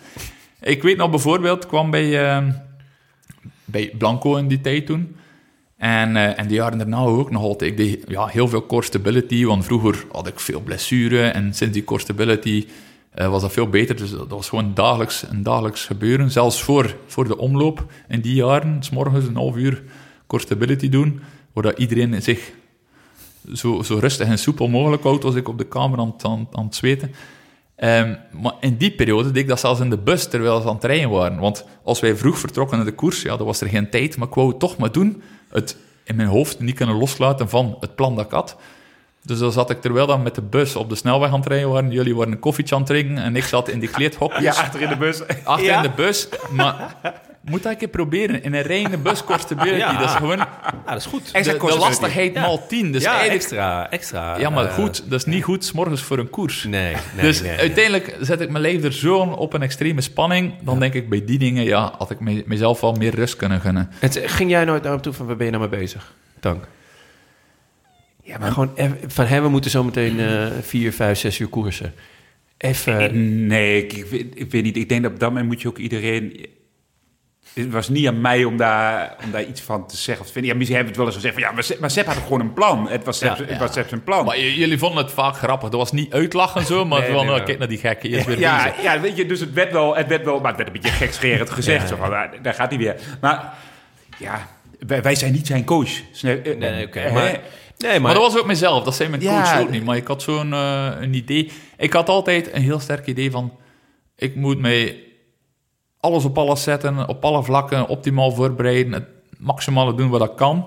En misschien ging ik er zelf soms over, want mijn trainer, mijn coach zei dan... Je moet koersen of trainen die dag. Maar ik deed dat er dan nog bij en ik deed dan die stretching er nog bij. En alles, alles, alles kan ook te veel zijn. ja, ja. Terwijl, Kijk, iedereen is anders. Ehm, en het gaat er vooral ook om, zeg maar, een stukje zeker in een ploeg, dat je elkaar in de, in de waarde laat. En dan kun je nog soms bepaalde dingen wel constateren. Maar uiteindelijk is het ook gewoon, je moet het zelf, jezelf uitvinden. Sowieso, of Ja. het wel of niet voor je werkt. Maar voor sommigen werkt bijvoorbeeld bepaalde dingen veel beter dan voor anderen. Hm. Dus om dan altijd maar jouw wijsheid of jouw gedachten bij een ander op het bordje te leggen, heeft ook, eh, haal je, Nee, kan, klopt, kan ook weet ik. averechts werken. weet je? ik, maar ik, ik weet van, eh, nou ja, uit mijn- van toen ik nog voetbalde, dat ik veel meer aannam van de oudere jongens, de oudere mannen, als die iets zeiden tegen mij, van hè, als je nou zo loopt of zo, of als je nou dit doet, dat nam ik veel sneller aan dan van een, van een, Maar dat van was, coach. dat was vroeger bij iedereen ook zo. Weet je, ja, je Maar kijkt gewoon naar de grote... Nu is dat, nu is dat veel veranderd, maar ehm, de jeugd is gewoon veel zelfzekerder. Maar en wordt ik nam, ook, begeleid. ik nam ook dingen aan eh, van de ouderen, de meer ervarenen.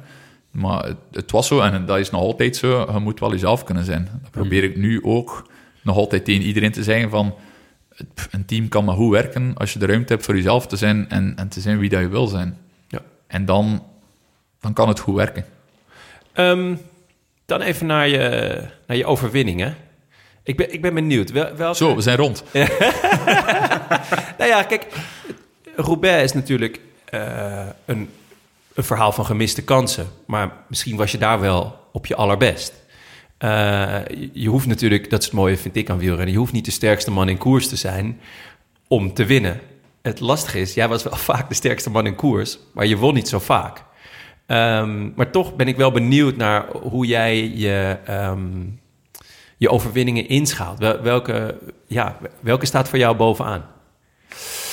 Goh, Of ehm, is het juist een tweede of derde of vierde plek die voor jou bovenaan staat? Van nou ja, eigenlijk was, dat, was ik toen beter of was dat gewoon, deed ik daar niks verkeerd? Of, of, dat, ik bedoel, dat mag ook. Goh, puur fysiek, als er, er iets moet uithalen, dan zal het, eh, naar mijn gevoel, die omloop 2015 zijn. Zelfs de strade erna. Ja. De strade heb ik zo, zo dom gekoerst. Maar ik heb gewoon van start gegaan. Je Ja, werd vierde in de werd vierde, ja, Achter maar- Stibi, denk ik. Achter Stibar, Valverde en Van Avermaat. Ja. Cancellara was vijfde. Ehm, Geen kleine namen. geen kleine namen. Wel, maar, maar dat is het ding. Strade Bianchi is in pri- in principe altijd te zwaar voor een renner als ik. Ja. Maar dat was natuurlijk de, een windeditie ook, zoals dat er wel vaker in 2015 een windeditie was. Er Ja. was geen twee van hem. Zeker. Maar, Daar gaan we het ehm, ook nog over hebben. ja, maar die koers heb ik gewoon gekoerst als training van ik kan er toch niks aan doen en ik vul maar de ploeg wat aan. En ik heb alleen aanvallen, aanvallen, aanvallen. En het is pas als we nog met vijf man waren en Cancellara loste, dat ik pas besefte van, hey, eigenlijk, eigenlijk ben ik zo goed nu dat ik die koers kan gaan winnen. maar instant Ja. voelde ik mijn benen en ze zijn, ze zijn kapot. Oh, echt? Dus ik had zo, zo- ja, zoveel aangevallen, dom gekoerst, omdat ik toch geen ambitie had die dag. Ja. En uiteindelijk Of- bleek dat, dat, ja, dat gewoon gouden benen weer had. En was het, maar was het dan niet juist de druk die... Hè, we hebben het over 2015 gehad. Ja, maar als je je dat- voelde de druk van jezelf, van buitenaf.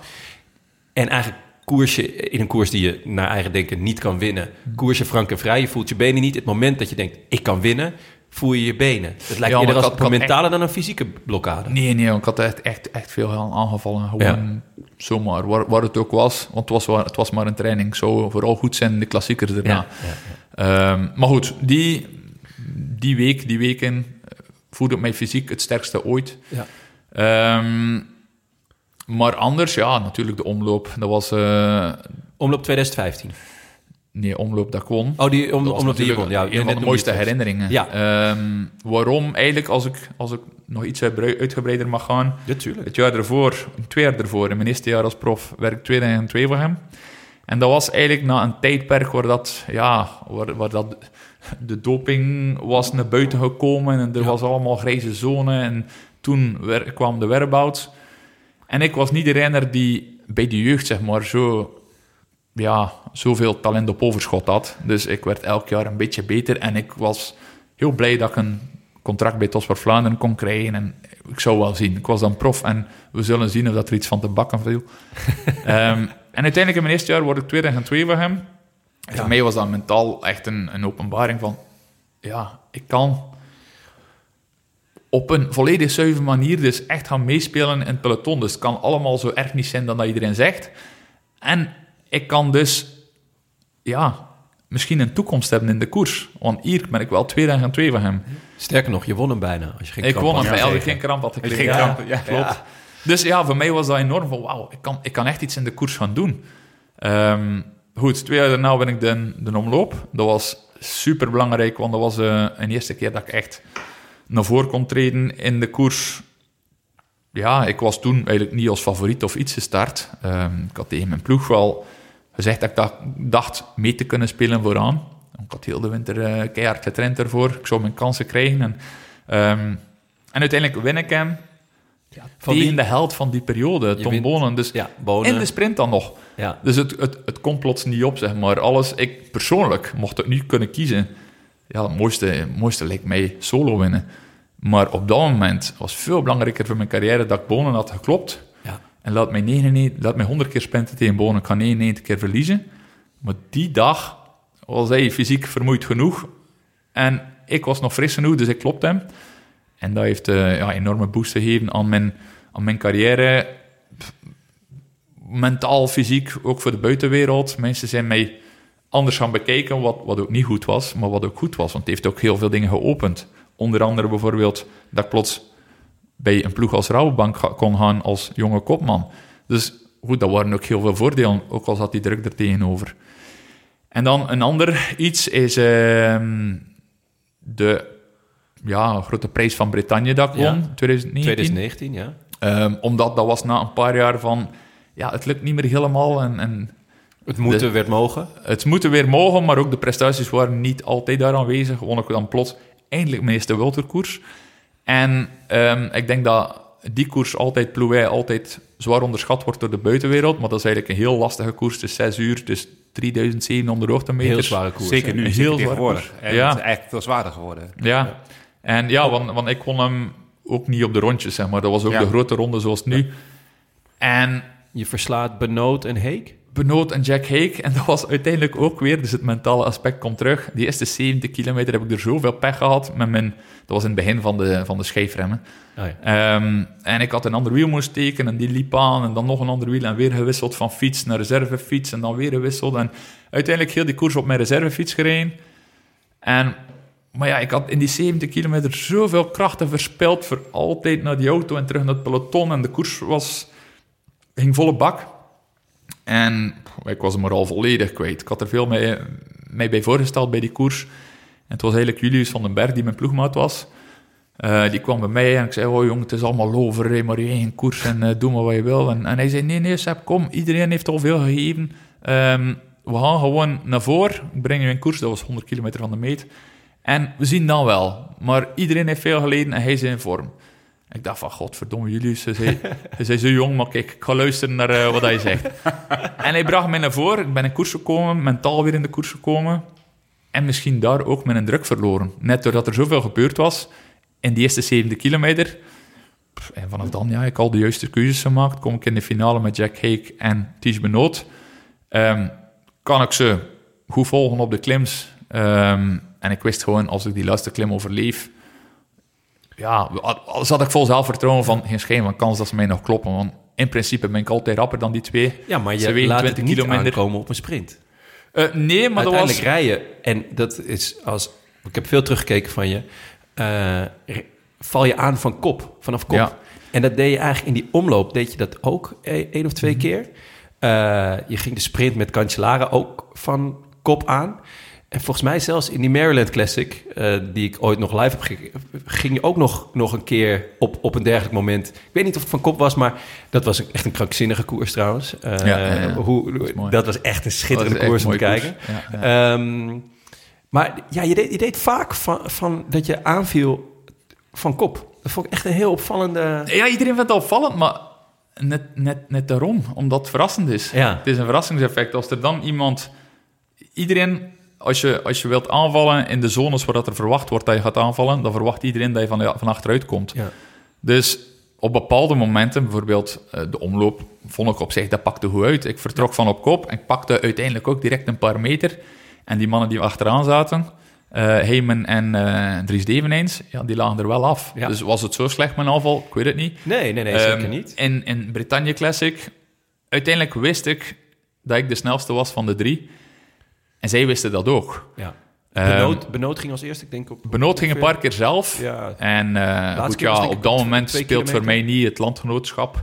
Eh, dan ben ik gewoon eh elk rijdt voor zijn eigen, eh, voor zijn eigen veld zijn we dan. En, ehm, dus ja, ik had hem telkens gaan halen, omdat ik gewoon wist, ja, ik mag niemand laten rijden, want ik ben de snelste. En zij, zij wisten dat ook, dus zij begonnen naar elkaar al te kijken van, hoe gaan we dat hier aanpakken? En op een bepaald moment ik rijd vooruit en ik pak, rijd twee, drie, vier meter vooruit, omdat Ja, die andere mannen willen gewoon in elkaars wiel uiteindelijk zitten. ja, Dus dan, dan heb ik het gevoel van, ja, dan zet ik hier aan als je mij toch niet volgt. ja. En ze wachten, en stel dat ze direct, dat bijvoorbeeld Jack Hake ging uiteindelijk achter mij, stel dat hij direct had gereageerd, ja, dan stop ik ook direct. Maar dat was wel eh, ja, een ingeving van het moment, een gevoel dat moest gaan, en dat pakte goed uit. En ja, ik ben ook van overtuigd eh, dat ik in de sprint ook had gewonnen, die koers. Maar alleen aankomen was natuurlijk heel leuk. En dat was voor mij heel belangrijk na een paar jaar van, ah, het lukt niet voor te winnen, won ik dan toch zo'n hele grote koers. ja. Wat, wat was het moment... het is misschien wel grappig. Dat, Ja. dat misschien wordt wel veel meer vanaf kop af aan aangevallen, maar zie je dat nooit, omdat iedereen direct in het wiel zit. En, en Ja. de- ja, de- Ja. ja, zo- Ja, dat zou kunnen, de- ja. de- je ziet het niet, zeg maar. De- Maar het Uiteindelijk- aanzetten wat je zegt. van, André Schmiel, Want, die eh, vertrok ook vaak van, eh, van ja. op kop. Hij, hij ging zo een beetje vooruit trainen, Ja. totdat hij zag dat ze niet meekwamen. En dan... eh, Ja, want ik herinner me nu, het was niet de Maryland Classic waar je van kop af aan ging, maar die keer in Gent-Wevergem dat je tweede werd. Volgens mij die eerste, die eerste keer in... volgens Nee. mij ging je toen ook van, de eerste van keer niet, want toen had ik, had ik aangevallen, kreeg kramp, hadden Ja, ja, teruggepakt. ja, klopt, maar die aanval was En- ook van kop, van kop af. Dat, dat kan, nee, net niet. Eh, je Nee. hebt gelijk, jawel, jawel Ja, van kop ja, af. van kop af, Want het was het race, we waren aan het ronddraaien. Ja, ik had ja, gezien, ja. die achter mij pikte niet in. Nee. Dus ik was de laatste in de rij. En toen was je weg. En dus toen, die dan naar, naar links gaat vertraagd. Als ik dan gewoon doorzet, dan ben ik weg. Oh, ja, ja, dat nou, was ook zo. Ehm, vind ik altijd, eh, wil ik altijd graag weten. Ehm Bretagne Classic. En nee, je hebt de omloop. Maar ik denk bij de omloop heb je niet, niet gedacht van ik ga, niet vroeg gedacht in ieder geval, ik ga hem winnen. Want je gaat met Bonen naar de meet. Eh, bij die Bretagne Classic, wanneer wist je van oké, ik ga hem gewoon winnen. Ik ben gewoon de beste nu. En ik ben de snelste en ik ga hem gewoon winnen. Eh, boven, boven op die laatste klim. Ja. Op hoeveel Ehm, kilometer is dat? Drie, vier, zoiets. Ehm, daarvoor had ik natuurlijk al goede hoop eh, als we konden blijven ronddraaien. En ik kon alles overleven dat ik de snelste zou zijn. Maar natuurlijk, je zit na, het zijn heel veel hoogtemeters daar. Het is eigenlijk echt een lastige koers. En je zit wel met een Ties Benoot en Jack Hake, Ja. die intrinsiek veel beter eh, bergop kunnen rijden, die veel lichter zijn. Ehm, dus ja, je zit met veel twijfel. En ehm, maar ik, was, ik was enorm blij als we bij het, bij het laatste klimmetje heb je eerst een, een steiler stuk en dan heb je de grote weg die nog vals plat verder loopt. Ja. En als we dat steilste stuk boven waren en ze hadden een halte niet aangevallen, ja, dan, dan groeide mijn, Ja. mijn geloof zeg maar, enorm snel. Want dan wist ik op dat vals plat stuk, ik voelde me altijd redelijk, dan wist ik van ze gaan echt hard moeten gaan. Ja. En als we boven waren, dan zei ik, oké, en nu... Ja, En dan was ik nog altijd niet gewonnen, maar mentaal in mijn hoofd was ik dan zo zeker van mijn stuk. Ik moest gewoon weten van de auto, komt de rest terug? Nee, oké, dan, dan focus je mij Ja. op die twee, laat ik niemand rijden. En in mijn hoofd was ik dan overtuigd dat ik het kon. Ja, mooi. mooi. Ja. Mooi. Ehm, en nog even twee koersen waar ik het heel kort over wil hebben. Ehm, namelijk... eh, Gent-Wevelgem 2015. Gent-Wevelgem 2015 komen we zo op. Maar eerst ehm, 2011, de E3-prijs, mijn favoriete koers. Ehm, weet je nog wie er voor jou eindigde? Jij wordt vierde? Eh Gent Wevelgem, hoeveel? Eh 2011. 2011. Ja, ja. Gent Wevelgem 2011. Eh Ja, dat is even een onverwachte overhoring, hè? ja, mooi. Ah, wacht, wacht. Eh, ik, ik heb niet uitgereden. Jawel, jij wordt vierde. nee, in de E3-prijs. E3-prijs. Ah, wie kent Ja, er nee. hier de uitslagen? Ja, nee, nee. Hey, sorry, de E3-prijs. Uh, Gent-Wevelgem 2015. Gusev, Vladimir Gusev. Die wordt derde, inderdaad. Ja, Wie ja, wordt de tweede? Jeroen Roerlands. Hey, ja, dat klopt. Wie wordt de eerste? Cancellara. En wie wordt er vijfde? Deze koers. Bram Tankink. Ja, ja, ja. Oh, de, de, de krampen, man. Hoe kunnen, hoe kunnen we dat ooit vergeten? Dat is hier gebeurd, hè? Eén kilometer hier vandaan. Ja? Ah, lekker. Je ogen beginnen te glimmen. Die van Tank worden een beetje waterig, merk ik. Tank, volgens mij heb ik jou deze vraag ooit gesteld. Van, eh, jij hebt ook een keer gedacht dat je de koers ging winnen. Dat was deze koers. Eh, je, je, ja. Nee, nee, ik dacht niet dat ik hem ging winnen. Maar, nee, maar je, was, je was wel goed. Ik was, ja, fantastisch. Ik zou die koers eigenlijk helemaal niet rijden toen. En het is een beetje hetzelfde als, als Sepp. Ik zou die koers niet rijden. Ik reed er gewoon als voorbereiding op. En dat was, dat was, die dag was best warm, geloof ik. En, en, maar dat was vanaf begin, eh, vanaf begin af aan koers. De Ja, hele dag. 100 kilo, tot aan de bevoorrading zijn we weggereden. Ik zat toen in die vroege ontsnapping. Zat jij erbij of Nee. ben je in de finale komen? Nee. En eh 100 kilometer eh, duurde het voordat we wegreden. Dus iedereen zat al eh, half kapot. Ik, reed met, ik reed op een gegeven moment, eh, de- inderdaad, die, die, die groep was weg en we gingen nooit meer terugkomen. Er was geen organisatie meer in het peloton. Op een gegeven moment reed ik weg, ik denk met Gusev. En wij zijn toen naar jullie toegereden en vlak achter ons kwam Cancellara. En die is na ons nog weggereden. En wij sluiten aan bij die kopgroep. En ik, ik hoorde toen van, eh, we reden over de, de- hoe die daar de... Een, de, zei- de, de- nee, Ah, de, Vortigen, Varend, eh, de. Varend, ja. De Varend. En wij sluiten aan bij jullie groep. En daarmee hoor ik, Cancellara komt ze dadelijk ook aansluiten. Ik denk, ja, die moet ik voor zijn. Dus ik demareer meteen. Maar ik had, de hele, ik had, ik had al eh, kilometers volle bak om bij jullie te komen. Ik denk, ja, en jullie vielen even helemaal stil naar die varend. Hè. En toen sloten we aan. Ik denk, meteen door. Dus ik demareer. En eh, net een beetje zo achter de sof van de motor. En er was een wind tegen zo. Eh, en, En je dacht, ik ben weg. ik ben weg. Eh, Ik, ik, wa- ik was ook weg, maar dat, dat, dat, dat, dat wist ik niet echt. Maar op dat moment voel ik kramp opkomen. Oh. Ik denk, oh, kut. En eigenlijk op het moment dat ik echt voel dat het komt... eh, moet, ik, eh, moet ik snelheid minderen. Want ik moest gewoon even kracht van het pedaal aan. Maar dan loopt zo'n vies, zo- een beetje vies vals pad ja, omhoog. ja. Dus je verliest gelijk heel veel snelheid. En, maar dat had ik helemaal niet gezien. En toen ineens komt in een... In een op het moment dat ik snelheid verminder... komt ineens een Cancellara volle bak voorbij. Ik denk, ja, dit ziet er niet uit. Kloten dus. Maar die kramp die was er net weer een beetje uit. Ik- Ik probeerde naar de wiel toe te springen. Ja, die kramp die schoot er vol terug in, jongen. Dus ik zat daar... Dus ik, ik moest gewoon been strekken. En dan zeg ik, ah! Ik had het nog nooit zo erg gehad, die kramp. Maar ja, toen, en toen kwamen jullie terug. Eh, eh. toen kwam je, eh, jij kwam toen weer bij... eh, ik bij- was, ik was gelost op de Côte Trieux. Dus eigenlijk Oh de ja, Knoktenberg een beetje ervoor. En die favoriete groep haalde mij dan bij. Cancellara was er waarschijnlijk al uit weg. Maar, ehm, en ik ben dan het groepje nadien weer bij jou gekomen. Eh, dus jij had mij eigenlijk voorbij geknald in de heuvelzone. Klopt dat? Ja? Ja, jullie waren bij ons gekomen waarschijnlijk. Dan hebben we het Trieux gedaan. Ik ben gelost ervan. En dan is er nog een favoriete groep met onder andere bijvoorbeeld Hausler. Want dat was toen mijn, team- mijn, eh, eh, mijn ploegmaat. Zijn wij ook weer bij jouw groepje gekomen. Waar dat je oorspronkelijk... Nee, nee, want ik ben pas op de... Maar, maar niet. Ik ben pas op de Varend aangesloten. Ah. Bij die groep. Op de Varend. Maar dat, waarschijnlijk zijn jullie allemaal met elkaar Ah, ja, gevallen. en toen zijn ja, wij ja, daar... ja, eh, ja. En, eh, en ik, sloot, ik sloot inderdaad aan bij die favoriete groep dan, eh, denk ik. Maar, Maar, mooi, en toen, mooie- maar toen, want toen zijn, toen, toen, toen zijn jullie Eh, maar ik weet dat de Housler daar ook verschrikkelijk hard reed. Ja, Klopt, ja, hè? die periode, ja. Maar, maar toen zijn jullie op de Tigrum, zijn jullie, ja, daar zijn we met z'n vijven overgekomen, maar ik werd vijfde. Ja, en Ja, ik- Nee, dat was ja. Cancellara was al weg. Cancellara was weg. Ja, maar dat was met een, in een sprint, hè, met een groepje. ja. Ja, wij waren met, met, met een groepje en Cancellara Ja. was er vooruit. En jij je vernedert eigenlijk Bram in de sprint. Ja. Goh, Ja. ja. sorry Bram. Maar ik had... dat, is, dat, is, dat is mijn, enige, mijn enige voorjaarsklassieker dat nooit podium reed. En ik had altijd moeten derde zijn. Wat Ja, was er gebeurd? Dus we waren aan het sprinten. Roeland gaat mij voorbij. En we komen aan de finish. Of 10 meter ervoor. Heel dom van mij. Ik stop met trappen. Ik denk, oké, derde. Want ik zie niemand naast mij. Derde. En op de finish kijk ik naar links. En ik zie Gusev zijn wiel vooruit steken. Oh, echt? En echt geen band tikte. Maar wat was er gebeurd? Die, op dat moment die Oakley jawbone, met zo die, die dikke randen er rond, je zag gewoon niks naar links of naar rechts. Dus ik, ik had in mijn hoog ook niemand zien komen, maar uiteindelijk, ja, die, die dikke bril stopte gewoon mijn zicht. Dus had ik gewoon een beetje blijven trappen, was ik altijd derde geweest. Ja. En komt want- zo...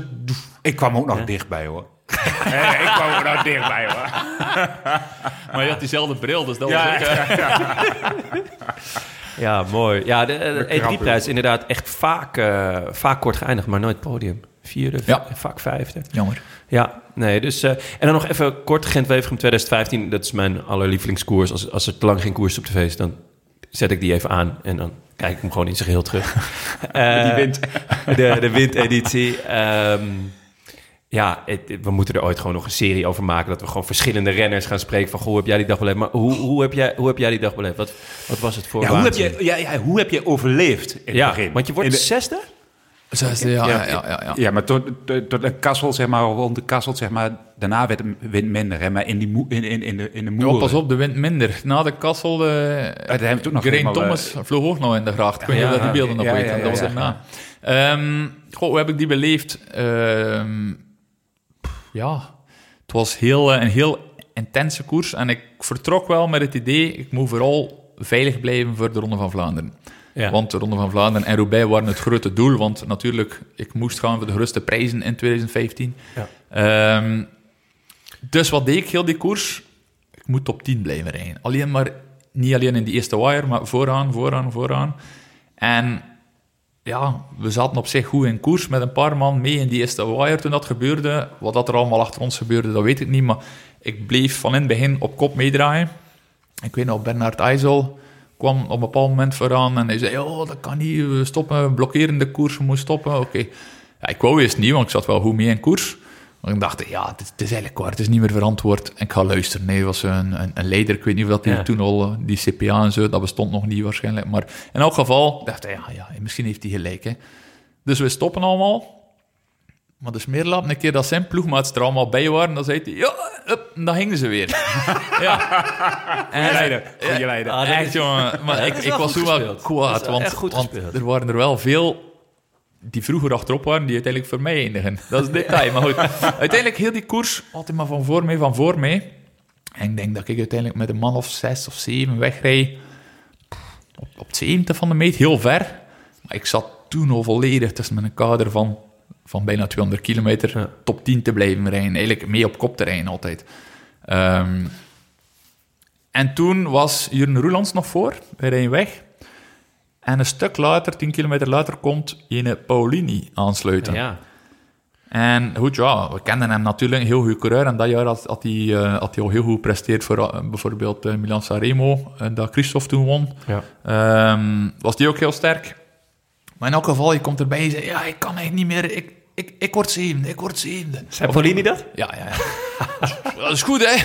Ja, Doe maar. prima, word jij Dus zevende. heel te zitten. 50 kilometer aan een stuk blijven zitten. Uiteindelijk kwam Roelands bij. Hij lost, maar ik zat volledig kapot. Dus ik had eigenlijk ook al geen, of weinig, overwinningsambities nog. Hoe, hoe verder dan we kwamen, hoe minder dat kon. En ja, ik denk 10 kilometer van de meet, die, eh, diegene die niet meer kon en die zou zevende worden, Ja. ja, ja die poeft weg. ja, die had waarschijnlijk net een lijntje genomen. Ja, voilà. hij, zag die middel, hij zag die middellijn en hij zegt, ja, nu ik voel het, hè. Dat is mijn lijn. Ja. En eh, ja, goed, was niet te volgen. Maar ik werd er gewoon op het vlakke, zonder iets speciaals, volledig uit de wielen gereden. Ik denk ik, nooit zo diep geweest in mijn leven als toen. En ik ben er ja, zo leeg als dat kon, zesde geworden. Ehm, Ik ben recht naar de bussen gereden, niet gestopt voor een interview, want ik ging er geen woord meer uit krijgen. ben op de bus gekomen, ben in die, in die eh, links, ja, toen in die bus was er zo, de kleedcabines waren links. Ik ben ik mee gaan liggen, ben volledig ben hyperventileren. Totdat jullie denk ik Ja. binnenkwamen, of, of degene die nog uitreden. En eh, met de dokter, en hij was zo van, ja, doe dit, doe dat. Maar ik was alleen maar aan het hyperventileren voor een aantal minuten, omdat Hey. ik zo leeg was. En Ja. ik weet nog, richting de ronde, is pas de vrijdag dat ik mij weer begon oké te voelen. Ik had, ik had zo diep in mijn arsenaal moeten gaan voor die dag. En jij, eh, jij zag hem liggen in de bus. Je denkt, oh, die is weer core stability. Ja, ik denk, laat me liggen. Dat doet hij altijd. Wat een gek. En, eh, ademhalingsoefeningen. ja. En, maar ik weet Ja. al, ik, ik, dat jij zegt, ik draaide mee. Ik, ik, ik durfde daar niet eens meer te draaien. Ik ben gewoon in het midden van die waaier gaan rijden. En iedereen is toen om mij heen ge- gaan waaien, zeg maar. En, en, en, en, en dan keek ik af en toe naar links en dan zag ik links allemaal mensen van de weg afwaaien. En op een gegeven moment kwam ik daardoor. Toen hebben we dan nog een hele tijd met Maarten Tjalingi op kop gereden. Maar Maarten reed toen op een gegeven moment ook weg in zijn eentje of Ja, zo. ja, ja, Daar- toen konden wij niet meer op kop rijden. Die, die was in zijn eentje een waaier natuurlijk. Ja, die Zo was op een gegeven moment naar de... ja, rond de Camel, hè. Ja, ja. Hij voelde hem komen en... eh, Eh, weg was hij. Maar, maar, maar- maar toen hadden wij al best. Ik weet niet hoe lang op kop gereden. Ja, want er was ja, toen ja. in de groep weg of zo voor jou. Ah, Ja. had, Ah, je, dat is mooi. had je in die koers door hoe legendarisch het was? eh, ja, je weet wel wat, wat- hoe extreem het is, maar je weet niet de beelden achteraf. Dat Heb je- Steegmans... eh, Heb je hem wel eens teruggekeken, die koers? ja, ja, ik heb Ja. er zeker nog teruggekeken. Ja, ja, ja. Ehm, Is, dat, is dit iets wat je standaard doet? Als je een koers... eh, Vroeg- als, je, als je vroeger- top 10 of zo... eh, Vroeger, vroeger alles. De laatste Ja? jaren, de tweede helft van mijn carrière, eigenlijk niet meer. En misschien zelfs te weinig. Maar ik deed het omdat, ja, één, het plezier van koers kijken. Ehm, twee, hebt je eigen beleving, maar je weet ook vaak niet hoe dat er anders nog gebeurd is. En ten derde, je kunt altijd nog een soort van bijleren van Ja. de tegenstand. Ja, Eh, ja. Ik bedoel, je weet niet... Ja, misschien zat, eh, zat er iemand aan de finale goed in koers, maar zat hij eigenlijk verder achterop en hadden we iets anders kunnen doen of zo. Ja. Dus ja, dat spelletje vond ik altijd mooi om te zien. En, en opfrissen, hè? Dus, een avond, dus eigenlijk visualiseren, zeg maar, een avond voor de koers. We keken heel vaak de dag voor de Ja. koers, keken we de Ja. koers. Ja. Om gewoon die finale en een deel op koers nog eens te visualiseren, toch? Ja, dat is een grote hulp. Hè. Als je dan nu eh, samen met alle nieuwe technieken, like Veloviewer, eh, gaat gaan bekijken en bekijkt die koers, ja, dan snap je de koers wel. Dus Ja. Ehm, we hebben nog een paar luisteraarsvragen. Ehm, en de eerste is van Mark de Lepper. In 2012 eh, waren mijn vriendin en ik op zoek naar een leuke jongensnaam. Na je overwinning in de omloop kwam de naam Sepp op het lijstje. En la- later dat jaar is Sepp geboren. Een echte Sepp van Marken. Mark is namelijk mijn naam. Onze vraag. Wat vind je de mooiste koers die jij reed? die ik reed. Ja. Goh. Goh, ja, ik- heel moeilijk om objectief te antwoorden, want het gevoel en, en, en hetgeen dat je goed kan, sluit er ook bij aan. Dus ik zal sowieso een kasseikoers zeggen, Ja, dat mag. omdat ik het goed kon. Ehm, als Vlaming vond ik... Ja, ik vind het moeilijk om een keuze te maken. Ja? Eh, als Vlaming, ja, zou je zeggen, Vlaanderen is speciaal, maar op zich, omloop lag mij altijd goed. En geen tweewagen lag mij blijkbaar goed. Ja. Ehm, maar dan puur bij mijn fysieke kwaliteit moet ik dan zeggen Roubaix. En vind ik dat het mooiste? Ja, ja het is ja, het moeilijk hè? Ja, ik vind ja, het, ik vind het echt moeilijk. Want, eh, de mooiste koers die ik ooit reed. Ga. Misschien de kindercross toen dat ik eh, acht jaar was in mijn schooltijd. Dat was mijn eerste wedstrijdje ooit. Ja? En ik heb bij mijn jeugdcarrière, mijn profcarrière, heel veel trofeeën, medailles, dingen allemaal niet meer bijhouden. Of ik vond ze niet mooi en dan smeet ik ze weg. Of sommige kunstwerkjes Ja. dat je op, op als trofee zeg maar, kreeg, dat dat echt mooi was, Ja. heb ik vaak ook gewoon het embleem eraf gehaald. En als kunstwerk, zeg maar, eh, die heb ik nog altijd. Ja, dat is eigenlijk niet heel mooi, maar... dus dat sprak mij niet aan. Maar de medailles van de schoolcrossjes, die heb ik Ja. nog allemaal. Ja? En die wil ik eigenlijk niet graag dat mijn kinderen mee spelen. Als ze vragen, papa, mag ik ermee spelen? Ah, heb je zelf geen medailles? ja, dat is echt... Dat is Zoek echt- je eigen medailles, jongen. Dus ja, die, die, die beleving toen, ik was... Ja, kijk, ik ben de jongste van vijf thuis. Ja. En ze hebben allemaal gekoerst. Dus eigenlijk van toen ik zes was, begon mijn oudste broer te koersen. En zij hebben, elk- hebben, elkaar, hebben elkaar opgevolgd en uiteindelijk was het dan mij de beurt. Maar vanaf dat ik zes jaar was, was bij mij die beleving alleen maar koersen. Ik had vroeger een probleem met, ehm, met verbeelding. Ik had altijd in school als stil lezen of luisteren of een van die dingen, had ik 0 of 1 op 10. Ik kon het gewoon niet. Maar zet mij op mijn fiets en ik zat in de koers. Ik zat Ja. volledig ja, thuis toen ik bij mijn, eh, bij mijn ouders in de tuin, na school, voor school. Ik was alleen maar aan het koersen, alleen in de verbeelding met de koers. En daar was ik iedereen en versloeg ik iedereen. Ehm, en ik denk daarom dat ik er nog zoveel aan beleef, aan die schoolcrossjes van toen. Dat stelde niks voor. Ik was de enige een soort van koersfiets dat mijn vader samengelast had. Maar dat was voor mij zo belangrijk, die enige wedstrijd in het jaar. En ik won hem. En Ja. ik zo met mijn, met mijn, met mijn koerskledij aan en, en de kapotte helm van Wijzen mijn naar de sponsor. Wat, sorry? Wijzen naar de sponsor die je Wijs over- naar de sponsor. IJsburken stond erop. Ehm, Wat goed. Maar- Koersen je kinderen ook? Nee, die zijn, eh, die zijn nu 7, 6 en 4. Nou ja, je zegt zelf Maar ook... eh, ja, het begint toch al. Hè. Ja? Ik, ik, als mensen mij vragen wilden dat ze koersen, ja, dan zeg ik, voor mij hoeft het niet, omdat ik de gevaren ervan ken. ja. Maar ik vind het daarnaast wel nog altijd een prachtige sport. En ik ga ze nooit pushen of speciaal stimuleren ervoor. Maar als ze het willen doen, ga ik wel met alles wat ik kan ze ondersteunen. En nu met, met een oudste, ehm, ja, dus gewoon bijna dagelijks, papa, aan mijn koersen. En dan rij je weer toertjes. En Ja? dan, dan ben ik ook verslaggever en, en tegenstander. En heb ik nu daar een, een zo hoopjes gelegd voor, par- voor bultjes, voor een soort BMX te doen. En, Echt? Ehm, en nu begint de jongste, die is vier, en die begint ook. Alles als we van, eh, van, van school naar huis komen en eh stapt uit de auto.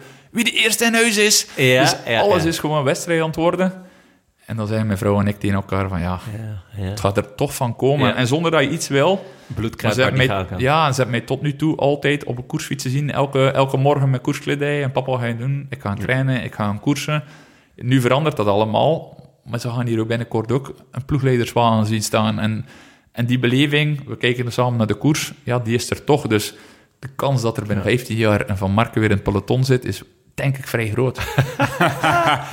Nou ja, over de, over de, de ploegleiderswagen gesproken. Je, je, je wordt ploegleider bij Israël? Ja, Ja. klopt. klopt. En eh, eh, dat, dat is al helemaal... Ik kon niet helemaal al vinden of, of je echt ploegleider zou worden, maar dat is, dat is je nieuwe rol. Ja, ja uiteindelijk ehm, daar ga ik starten. Ehm, het is mentaal misschien snel, omdat ik die overgang snel wil maken, maar dat Ja. doe ik ook wel bewust. Eén, omdat ik weet, die kansen komen er niet altijd. Ehm, elk jaar zoeken ze nieuwe ploegleiders, elk jaar worden die plekjes ingevuld door andere mensen. Dus ik denk ook, als ik de kans krijg, dan moet ik het nu gaan doen. Ehm, en tegelijkertijd gaat het mij ook helpen voor, voor erover te geraken, over de zorgen waar dat nu mee zit omdat ik direct, eh één, ik blijf in de koers. Dat is ook belangrijk, want ik denk als ik er te lang uit ben, dan ben ik bang om, om mijzelf de rug toe te keren naar de koers. Omdat dat wel ook, ja, het heeft een hoop mooie dingen veroorzaakt, maar een, hoop ellende ook. Ehm, en dat wil ik niet. Koers is mijn passie geweest en is altijd eh, mijn passie gebleven en, en dat wil ik ook voor de toekomst. Dus ik ben blij dat ik op die manier die transitie kan maken en, en hopelijk ehm, ja, kan ik veel dingen loslaten daardoor ook. Ja. Ehm, dus ja, de koers. Dan heb ik gelijk een moeilijke vraag voor je van Mark Klein. Een eh, moeilijke vraag als ploegleider. Hoe ga je als ploegleider aan Froome vertellen dat hij zijn fiets aan de haak moet hangen? Goh, dat ga je niet vertellen. Eh, Nee. ja, dat, dat moet hij zelf weten. Ja. Eh, dat is iets, ja... Ik, ik kan er mijn mening over hebben en iemand anders ook. Maar uiteindelijk is het dan Vroom voor die keuze te maken. En, ehm, Heb je veel met hem getraind, gekoerst? ik heb nooit met hem gekoerst. Ik heb wel een aantal stages met hem gedaan.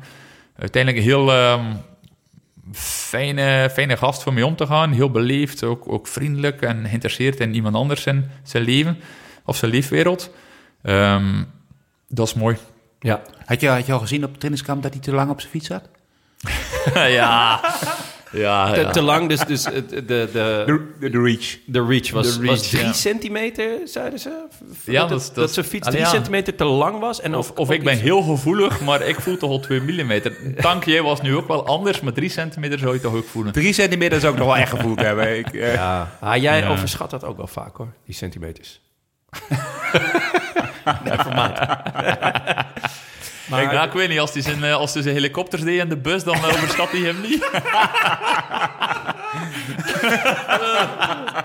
Oké, dus j- jij deed de helikopter in de bus en jij was terwijl jij aan het eh eh core stability oefeningen Ja, maar niet, een niet verschil. recht voor mij, hè? Nee, niet nee, recht nee. voor mij trouwens. en, eh, en, en Laura stond aan de voorkant de yoga. In de badkamer. In de badkamer. Oh, ja, nee, nee, nee. Dan zie je een beetje ongeveer het verschil in niveau, zeg maar. Is, hè, Ja, Qua maar, professionaliteit. eh, wel- welke, ehm, welke stap moet je, of wat, wat moet je nog leren als ploegleider? Wat, wat, eh, Goh, eh, heel veel, denk ik. Ehm zij het ook de praktische kant vooral. Ehm, ja, je mijn voordeel... examen doen, toch? Ook, of niet? Ja, heb ik gedaan. 88 procent. Mijn, mijn inleving was er wel, hè? Chapeau hoor, Dank u wel. 88 procent. Nee, nee, maar dat was wel goh, interessant om te doen. Je zag er wat tegenop en het is een verplicht nummer. Maar ik heb wel dingen bijgeleerd ehm, dat je nooit zou weten. Nuttige en nutteloze dingen ook.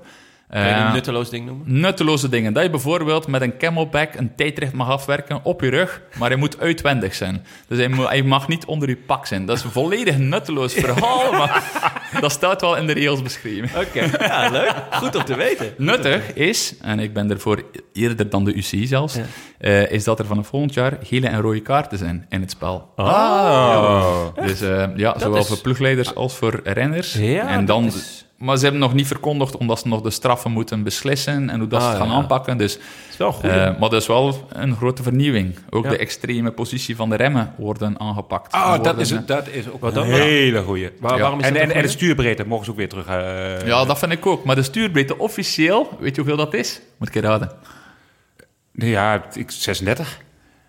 Ja, het is nog erger. 35 van buitenaf gemeten. Dus niet center-center, maar buitenmaat. Dat wil zeggen center-center 33. Oh, dat is Officiële min. supersmal. Ja, dat is belachelijk. Super smal. Dat is belachelijk voor op de weg als ze dat dan nog op de piste doen. Maar goed. Tegenwoordig eh, rijden ze met 32, hè? Oh ja, nu gaan we technisch worden. Maar... Nee, ja, mag, maar de- dus je, je, je hebt die, heb je daar ook nog voor moeten studeren? Gewoon om, om dat eh, ja, eigenlijk al, alle dingen, alle regels en zo, dat ze het over hadden. Maar niet alleen over de, de praktische regels, maar ook wat je in koers moet doen. eh, maar ook het ethische, antidoping. eh, ook eh, eigenlijk organisatorisch, hoe dat je moet een ploeg in elkaar steken. Wat dat de budgetten mo- niet moeten zijn, maar wanneer dat ze binnen moeten zijn, aan wat dat je moet voldoen. Eigenlijk moet je wel heel veel regels kennen in die week. Ik had echt hoofdpijn. Ja. Nou, ik, ik heb van mijn leven niet degelijk gestudeerd en nu plots eh, moest ik wel slaan. Hè.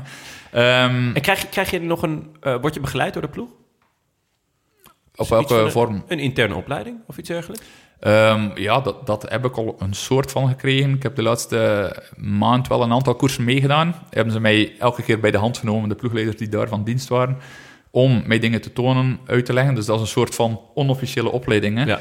Ehm, en ik heb al mogen eh, ook in, in, de, in de radio eh, de tactiek bespreken, eh, in de radio zeggen wat dat ze moeten doen. Dus dat vond ik heel leuk dat ik die kans al kreeg zo snel, om dat al te gaan doen.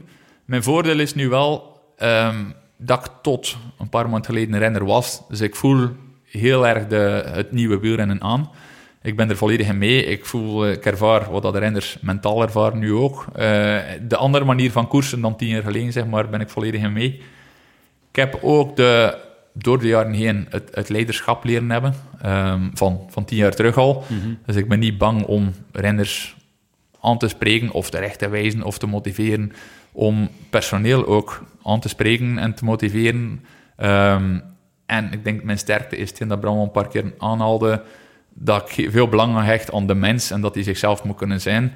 En samen dat... Ja, echt dat, eh, teamsmede. ja, ja, Moet je ook ja. trainingsschema's en zo maken? Of, of is dat Nee. dan weer een andere tak van, van sport? Ja, dan, dan doe je meer de coaching. Eh, mocht ik dat willen, dan kan ik daarvoor gaan studeren. En Ah, ja, dan kan ja. ik ook iets, eh, iets gaan doen, maar dat ligt mij niet echt. Nee. Ik heb wel mijn, mijn ideeën en mijn kennis, zeker over het, over het trainen, maar ik ben niet de man van de cijfertjes en die alles altijd wil gaan opzoeken. Ehm, maar ik, denk ga er meer het mentale aspect wel aan toevoegen. Ja. Ik denk ook dat het goed is als ploegleider om dat te scheiden. Hè, Aan de Ja. ene kant heb je de coach-trainer, aan de andere kant de ploegleider die het echt vanuit een andere kant kan benaderen. Ja. Anders krijg je al snel inmenging. Goh, en ik denk als ik dan een voordeel voor mezelf moet eh, zeggen, dat is. Ja, ik heb, ik, heb, ik heb gewerkt voor kopmannen. Ik heb zelf kopman geweest. Eh, ik heb soms gewonnen, voor, vooral veel niet gewonnen. Ik heb blessures moeten overwinnen. Dus dat we zeggen, het hele mentale aspect wat een coureur moet doormaken van elk facet, zeg maar, heb ik wel ook doorgemaakt. Best ook met een mental coach gaan praten. Dat is best uniek, denk ja, ik. ja, ja, voor veel inderdaad. Ehm, Nu is het wat normaler, maar... Het enige wat ik wel moet leren is, ehm, vroeger ehm, was ik als renner altijd uiteindelijk verantwoordelijk voor mijn eigen prestaties of voor mijn eigen Ja. niveau. Dat is de basis, uw eigen niveau. En daar deed ik alles aan.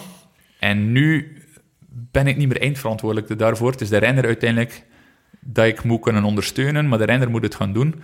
En dat is wel een proces waar ik moet leren afstand nemen van dingen. Ehm, niet dat ik er te veel in opga, maar dat me soms nu wel, ik, ik zou niet zeggen machteloos voel, maar ik kan aanrekenen wat ik kan aanrekenen. Dat is zo, dat is zo bij de meetings met de, met de leiding, met de ploegleiders. En dat is zo bij de gesprekken met de renners. Maar dan stopt het voor mij. En als anderen de renner of de leidinggevenden zeg maar, anders bepalen, ja, dan, dan moet ik dat accepteren. En ik kan niet zeggen, ah, wel, en dan zal ik zorgen dat ik zo goed mogelijk ben. Ik kan dat doen op mijn vakgebied, maar ik kan het niet meer doen op de renners en pedalen. Uh, dus dat is wel een aanpassing. Ja, ja, ja je hebt het niet meer volledig in uh, eigen hand. Uh. Nee, nee, nee. Slaap je nog altijd zo weinig? En wel, eigenlijk nog veel minder, en dat is ook een probleem.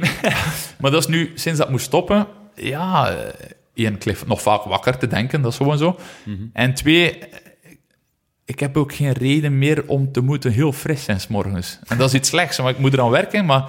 Dus zo, ja, waarom zou ik nu vroeg gaan slapen? Voor wat? Voor, voor, voor morgen goede benen te hebben, waarvoor? dus, uh, Herkenbaar. Ik, ja, ja, ik ja. precies dus, hetzelfde. Ik, uh, ja, uh, dus, dus dat is iets wel dat ik moet aan werken. Ja. Um, maar ik zit sindsdien altijd veel te laat in bed. Zie je die wallen? Dus dat, had ik al altijd. Valt mee hoor, valt, mee, valt, nou, valt mee. Oh, dank u. ja, Sepp die kon dus zeg maar in een, in een etappekoers, ja, zelfs, zelfs een grote ronde, kon hij rustig om twee uur s'nachts nog uh, op zijn laptopje buiten op de gang zitten. Even uh, een beetje internet, toch? Heerlijk. Uh, ja, ja, ja. ja. ja Daar is niks mis mee, Sepp. Je, je, je, ging ook nooit vroeg slapen, hè, maar, uh, maar sommigen ja, gaan heel vroeg slapen. Ja. Um, maar dan ben je gewoon een avondmens. Ik ja, eigenlijk, eigenlijk ben ik een avondmens die eigenlijk veel liever wil ochtendmensen. Dus dan sta ik toch ah, vroeg op. Daar, daar, moet je vanaf. Maar dan ben ik ja. gewoon steendood. Ja, maar, daar moet je vanaf. Je moet, je maar dat gaat ook niet. Mijn, ik weet, mijn kindjes staan uh, thuis om, uh, om, om, half zeven of zeven uur op. Als we ja. geluk hebben, ja, dan, dan, dan sta ik Ja, dat doe ik ook. Dan sta... rol ik mij uit bed kwart na zeven. Ja, ik ook. En dan breng ik er eentje uh, naar, de, naar de crash of naar, naar school. En mijn vrouw doet dan die andere. En dan ga ik daarna gewoon weer terug naar bed. Nee. Ja. Zijn niet beschaamd? Nee. nee. Jonne, Jonne. Nee. Kijk, de man, de man van de stad, hè? Ja, nee, maar dat is dus, dat is dus, dat, dat is dus, de ochtendmensen willen ons doen geloven dat dat slecht is. Maar als je gewoon 's ochtends moe bent en 's avonds niet, kan je beter je dag nee, indelen maar, op het ja, moment ja, dat je... mijn, mijn dag is om zeep, al mocht ik uh, tot negen uur blijven liggen. Kan ik ook gewoon mentaal niet. Ah, nee, ik wil, jongen, ik wil veel je hebt, nog zo, je hebt nog, nog veel te leren, ook als ploegleider. ja, nee, maar ja. nee, nee, vind ik prima. Moet gewoon leren vroeger, uh, vroeger slapen, want ik vind het heel leuk vroeg op zijn. Ja? Als ik, als ik zo een keer uh, extreem vroeg ga gaan fietsen of zo, vind ik heerlijk dat er nie, niemand op de weg is en dat ik voor het verkeer... Maar dat is s'nachts ook niet, hè? S'nachts is er ook niemand op de weg. Ja, maar moet ik s'nachts gaan fietsen? Ja, heerlijk. Lapjes op. Ja, ja ik, zag, ik zag ook een filmpje voorbij komen. Daarom, daarom wist ik precies waar we moesten zijn. Want ik zag een filmpje van, joh, ga goed verlicht op pad. Oh ja, ja, ja. ja, ja. ja, ja dat is ja dus, dus je, hebt, je lampjes heb je al. Ja. Geel hesje heb je al? Ik probeer mij wel een beetje goh, in te zetten met de quaders dat ik heb, om toch goede dingen te doen. Nou met ja. de reanimatie, met die, die verlichting. Het zijn basisdingen. Ik zal ook niet altijd perfect zijn, maar ik probeer wel mensen te wijzen op, ja, kijk, dit kan je gaan doen. Dat reanimatiefilmpje, ik heb net nog even een tank laten zien. Dat kan ik, even, kan ik iedereen, alle luisteraars aanraden. We zullen het op onze socials zetten. Is echt Eh, maar, maar misschien moeten we wel ook de juiste versie een keer aanraden. Maar, want dat is eigenlijk de spotversie. Oh, echt? Op bepaalde plekken hoef je niet te knijpen. Zo, eh. Nee, nee, nee, dat, dat is duidelijk. Maar ja, eh, Maar oké, het- je het bent daar wel iets zingend en dansend ben je daar te zien. Samen met, naast een animatiefilmpje, dat, figuur dat ik eigenlijk alleen kende uit De Slimste Mens. Ja. Eh, maar ja, dat is echt, echt een aanrader. Je bent een- echt een natuurtalent. wel, dank u. De hakken vooral. De hakken, de hakken heb je dat nog van Jos Oh, geleerd? Dat, dat, dat hakken was volledig mis. Maar, ehm, maar het ding is... ehm, ik ben nu oh, heel afgelopen maanden alleen maar een soort van negatief of, of dramatisch Ja. in beeld geweest, op het nieuws geweest, in de radio geweest. En ik wil dat weer een beetje aanpassen, dat mensen zien dat ik nog altijd kan lachen. Want kijk, Ja. nu, deze aflevering zijn we weer 97% serieus bezig, omdat die verhalen heel actueel zijn. Nou, ik kan ook grapjes maken en ook wel lachen. Ja, maar dus daar wou ik Ja. de mensen aantonen van, kijk, we hebben het weer over iets serieus, maar ik kan mezelf ook mee belachelijk maken. Vind ik ook nooit erg geweest van mezelf belachelijk te maken. Ehm, en, en, en goed, dat, dat sprak sommige mensen aan, Ik vond sommige het mensen iets minder. Ik Maar, vond het schitterend. Gelijk aan iedereen doorgestuurd. Iedereen was heel enthousiast. maar eh, ik, iedereen heb een vraag voor jullie. Wat vond je dan echt het beste? Mijn zangtalent of mijn danstalent? Het danstalent. Zeker. Het danstalent. De, de, ja, de, Ja, er is aan jou geen zanger verloren gegaan. De, de, Ja, dat- maar dat dansen, ik zie jou wel binnenkort een keer in Dancing with the Stars. Oh, ja, ik, ik, ik, als ik eh, de houtplank move moet doen, dan ben ik er heel goed in. Maar nou ja, voor de rest... Kan ik- heel goed planken. Hij kan heel goed in planken. ik ben zo iemand, als ik ga gaan dansen, dan moet ik... Ik ben geen... Ik, ik drink bijna nooit alcohol, maar als ik ergens ga willen gaan dansen, dan moet ik echt veel alcohol hebben. En dan pas durf ik mijn voeten verzetten. Ja, ja, dat- ja, dat In vertelde de- je vroeger. Eén keer per jaar dronk je alcohol, toch? Ja, en dan gewoon, dan gewoon los. Dan gewoon, ja, alles dat kon. Totdat ik aan die grens was dat ik da- danste. En dan kon ik de hele avond verder dansen. Zelfs al stopte de muziek, kon ik gewoon verder dansen. Oh, dat is goed. Nou, eh, aan Jos van Emden werd vorige keer dus de vraag gesteld... eh, ga je mee met mij, met Jonne, naar Lowlands? Maar als ik jouw danskwaliteit zag, dan kan je daar naadloos aansluiten. Oh. Ehm, nog even onze sponsor. Ehm, namelijk, eh, onze tweede sponsor is dit. De woning Zesdaagse in Rotterdam. Kun je zes dagen wonen. Nee. In Rotterdam. Nee, jongen. Kan je rondjes, rondjes Ah, rijden ja, op de piste? tuurlijk. Natuurlijk. Ik ga er naartoe ehm, eh, met een aantal van mijn eh, lieftallige collega's van de Roland Tuin. Ben jij erbij eigenlijk? Nou, ik weet niet wanneer die is. Nou, volgens mij gaan wij 16 december. Ehm, namens onze sponsor Nederland Loterij, de allergrootste supporter van sport, mogen we iemand twee kaarten aanbieden voor de zesdaags in Rotterdam. Voor dus de zaterdag 16 december. En de gelukkige is, dat is degene die als eerste die vraag stelt, stelde, eh, Mark de Lepper. Namelijk, ehm, die zijn zoontje naar jou heeft vernoemd. Mooi. van Marken. Eh, Mark Lepper is de gelukkige. Stuur ons even een mailtje via post.deroodlantaarnpodcast.nl. Dan komen de kaartjes eh, naar je toe en dan zien we je daar. Is toch leuk? Dank. Ja, superleuk. En daar wil, ik, daar wil ik nog wel even een opmerking over maken. Want Ja. ik zou zeggen, iedereen die luistert, die moet gewoon gaan. Want het is A, een superleuk event. Ja, het is echt vet. Plus het is een stukje wielenhistorie wat eigenlijk gewoon altijd moet blijven. Want Ja. die, en, en er zijn er heel veel verdwenen in de afgelopen jaren. Dus laten we ook met z'n allen als wielerliefhebbers, zeg maar in ieder geval... en ik denk volgens mij dat het Rotterdam wel goed komt... maar dit soort events blijven steunen. Vorige keer dat ik er was, was het echt één groot Ja. feest. Harde muziek. Ik snapte er helemaal niks van. Want er rijden de hele tijd... Ten eerste echt skitterende fietsen rijden rond. Maar wie er op kop ligt, eh, wie er bij wie hoort... Ja, toegegeven, ik had acht pils op. Eh, ik had het niet helemaal... Zeg maar, ik draaide al rondjes zonder dat die gasten het om me heen aan het fietsen waren. Maar het Was je ook al aan het dansen? Ja, in mijn hoofd wel, ja. Het, is, is gewoon een festival en een Ja. wielrennen in één. Ja, Ja, klopt. Eigenlijk alles Echt samen. Het is eh, alleen maar ambiance. Ja, dus eh, nou ja, goed. Mark de Lepper is de gelukkige, maar eh, nou, dan eh, hopelijk zien we daar nog meer van onze rode lantaarnistie. Ehm, ja, dan gaan, we, dan gaan we afronden. Seb, mag ik je heel erg bedanken eh, voor dit eh, eh, schitterende gesprek. Vond je het leuk? Ja, het was leuk. zijn. Ja? Ja? voor de uitnodiging. Leuk. Heel leuk. Ja, nou ja, bedankt dat we hier te gast mochten zijn in het eh, prachtige huis. Ehm, dit was het voor vandaag. Bedankt aan onze vrienden van de show. En een warm welkom aan de nieuwe vrienden en verlengers. Onder wie Arjen Joosen, Gilberry, Gerbe, Steffen, Vincent, Arjaan, Mieke Rikke, Rob Schoof, Jeroen Kraai, Mark-Pieter Alsem, Peter en Poldervogels uit. Ja, die hebben gewoon allemaal centjes overgemaakt bij ons. Daar zijn we heel... Heb je je naam er niet tussen gehoord? Heb je nog, heb je nog niet meegedaan? Nee, heb je nog niet meegedaan. Dus dan moet je even, hè, want dan kunnen we Bram Tankink weer in eh, seizoen van betalen. Wil je ons ook steunen? Dan kan gewoon een berichtje sturen. Websurfsite dan naar rolandtaarnpodcast.nl. Bij deze ook veel dank aan onze sponsoren. Nederlands, Nederlandse Loterij, NoordVPN en La Machine. Daar shop je nu onze merch met 20% Black Friday korting. En Tank, jij hebt hem gewoon aan hè? Het hobbelpaard. Het hobbelpaard. Weet je wie, eh, we hebben veel bijnamen voor wielrenners. Ehm, Wie is het hobbelpaard? het hobbelpaard. Ja. Heb jij nog met hem in het team gezeten? zeker heb je daar bij een team gezeten. Ja, zeker. Hij ehm, is een puncheur die graag een grote ronde wou winnen, maar daar eigenlijk net niet goed genoeg voor was. Maar hij kon zo mooi hobbelen op zijn fiets. Hij komt uit Ierland. Hij is niet heel mooi. Ah, uit Ierland. Dan Ja. Martin. Dan Martin. Dan ja, Martin. Dat is wel ons hobbelpaard. Lekker hobbelen. En dat is dus een van onze t-shirts geworden. Tank heeft hem aan. Schitterend. Ehm, Eigenlijk moest je daar nog een panda op zetten op dat hobbelpaard. Want? Omdat hij, eh, weet je het niet meer het verhaal, toen dat hij leuk was naar leuk kon, Ja. dan liep er zo'n panda mee in de laatste kilometer. Oh ja, dat is waar. Op, op dat hobbelpaard moest er nog een panda komen, dat was het verhaal compleet. Dat is een goeie. Oh, dat zou Nou, heel goed zijn. ja. Ja, voor, eh, misschien. Voor, ja, voor de tweede, voor de tweede eh bunch. La Machine. Daar zou, daar zou mijn zoon een mok aantrekken. van. Voilà. Ja, Panda ja, die is, die is Panda-fan. Echt? Ja, die is helemaal Ook van de auto, de Fiat, Fiat Panda? Nee, daar- daar- zolang er geen twee ogen op staan, niet. Maar eh, nee, Jammer, schitterende auto. die loopt overal met zijn panda. Echt? Ja. Oh, wat Ja? goed. ja. Jouw kinderen lopen die altijd met iets rond? Goh, nee, nee, voor te slapen wel, hè. Die specifieke knuppel, knuffels, maar eh, geen panda. Voor mij een zwarte kat.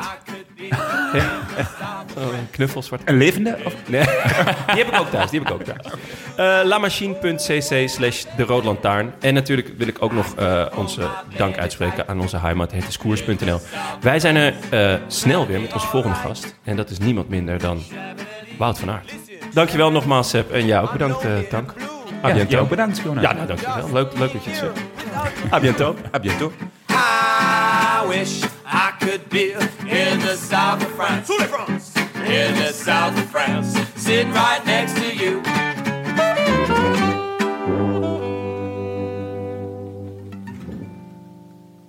Heb jij nog een vraag? Of misschien nog wel leuker, een tip voor Wout van Aert?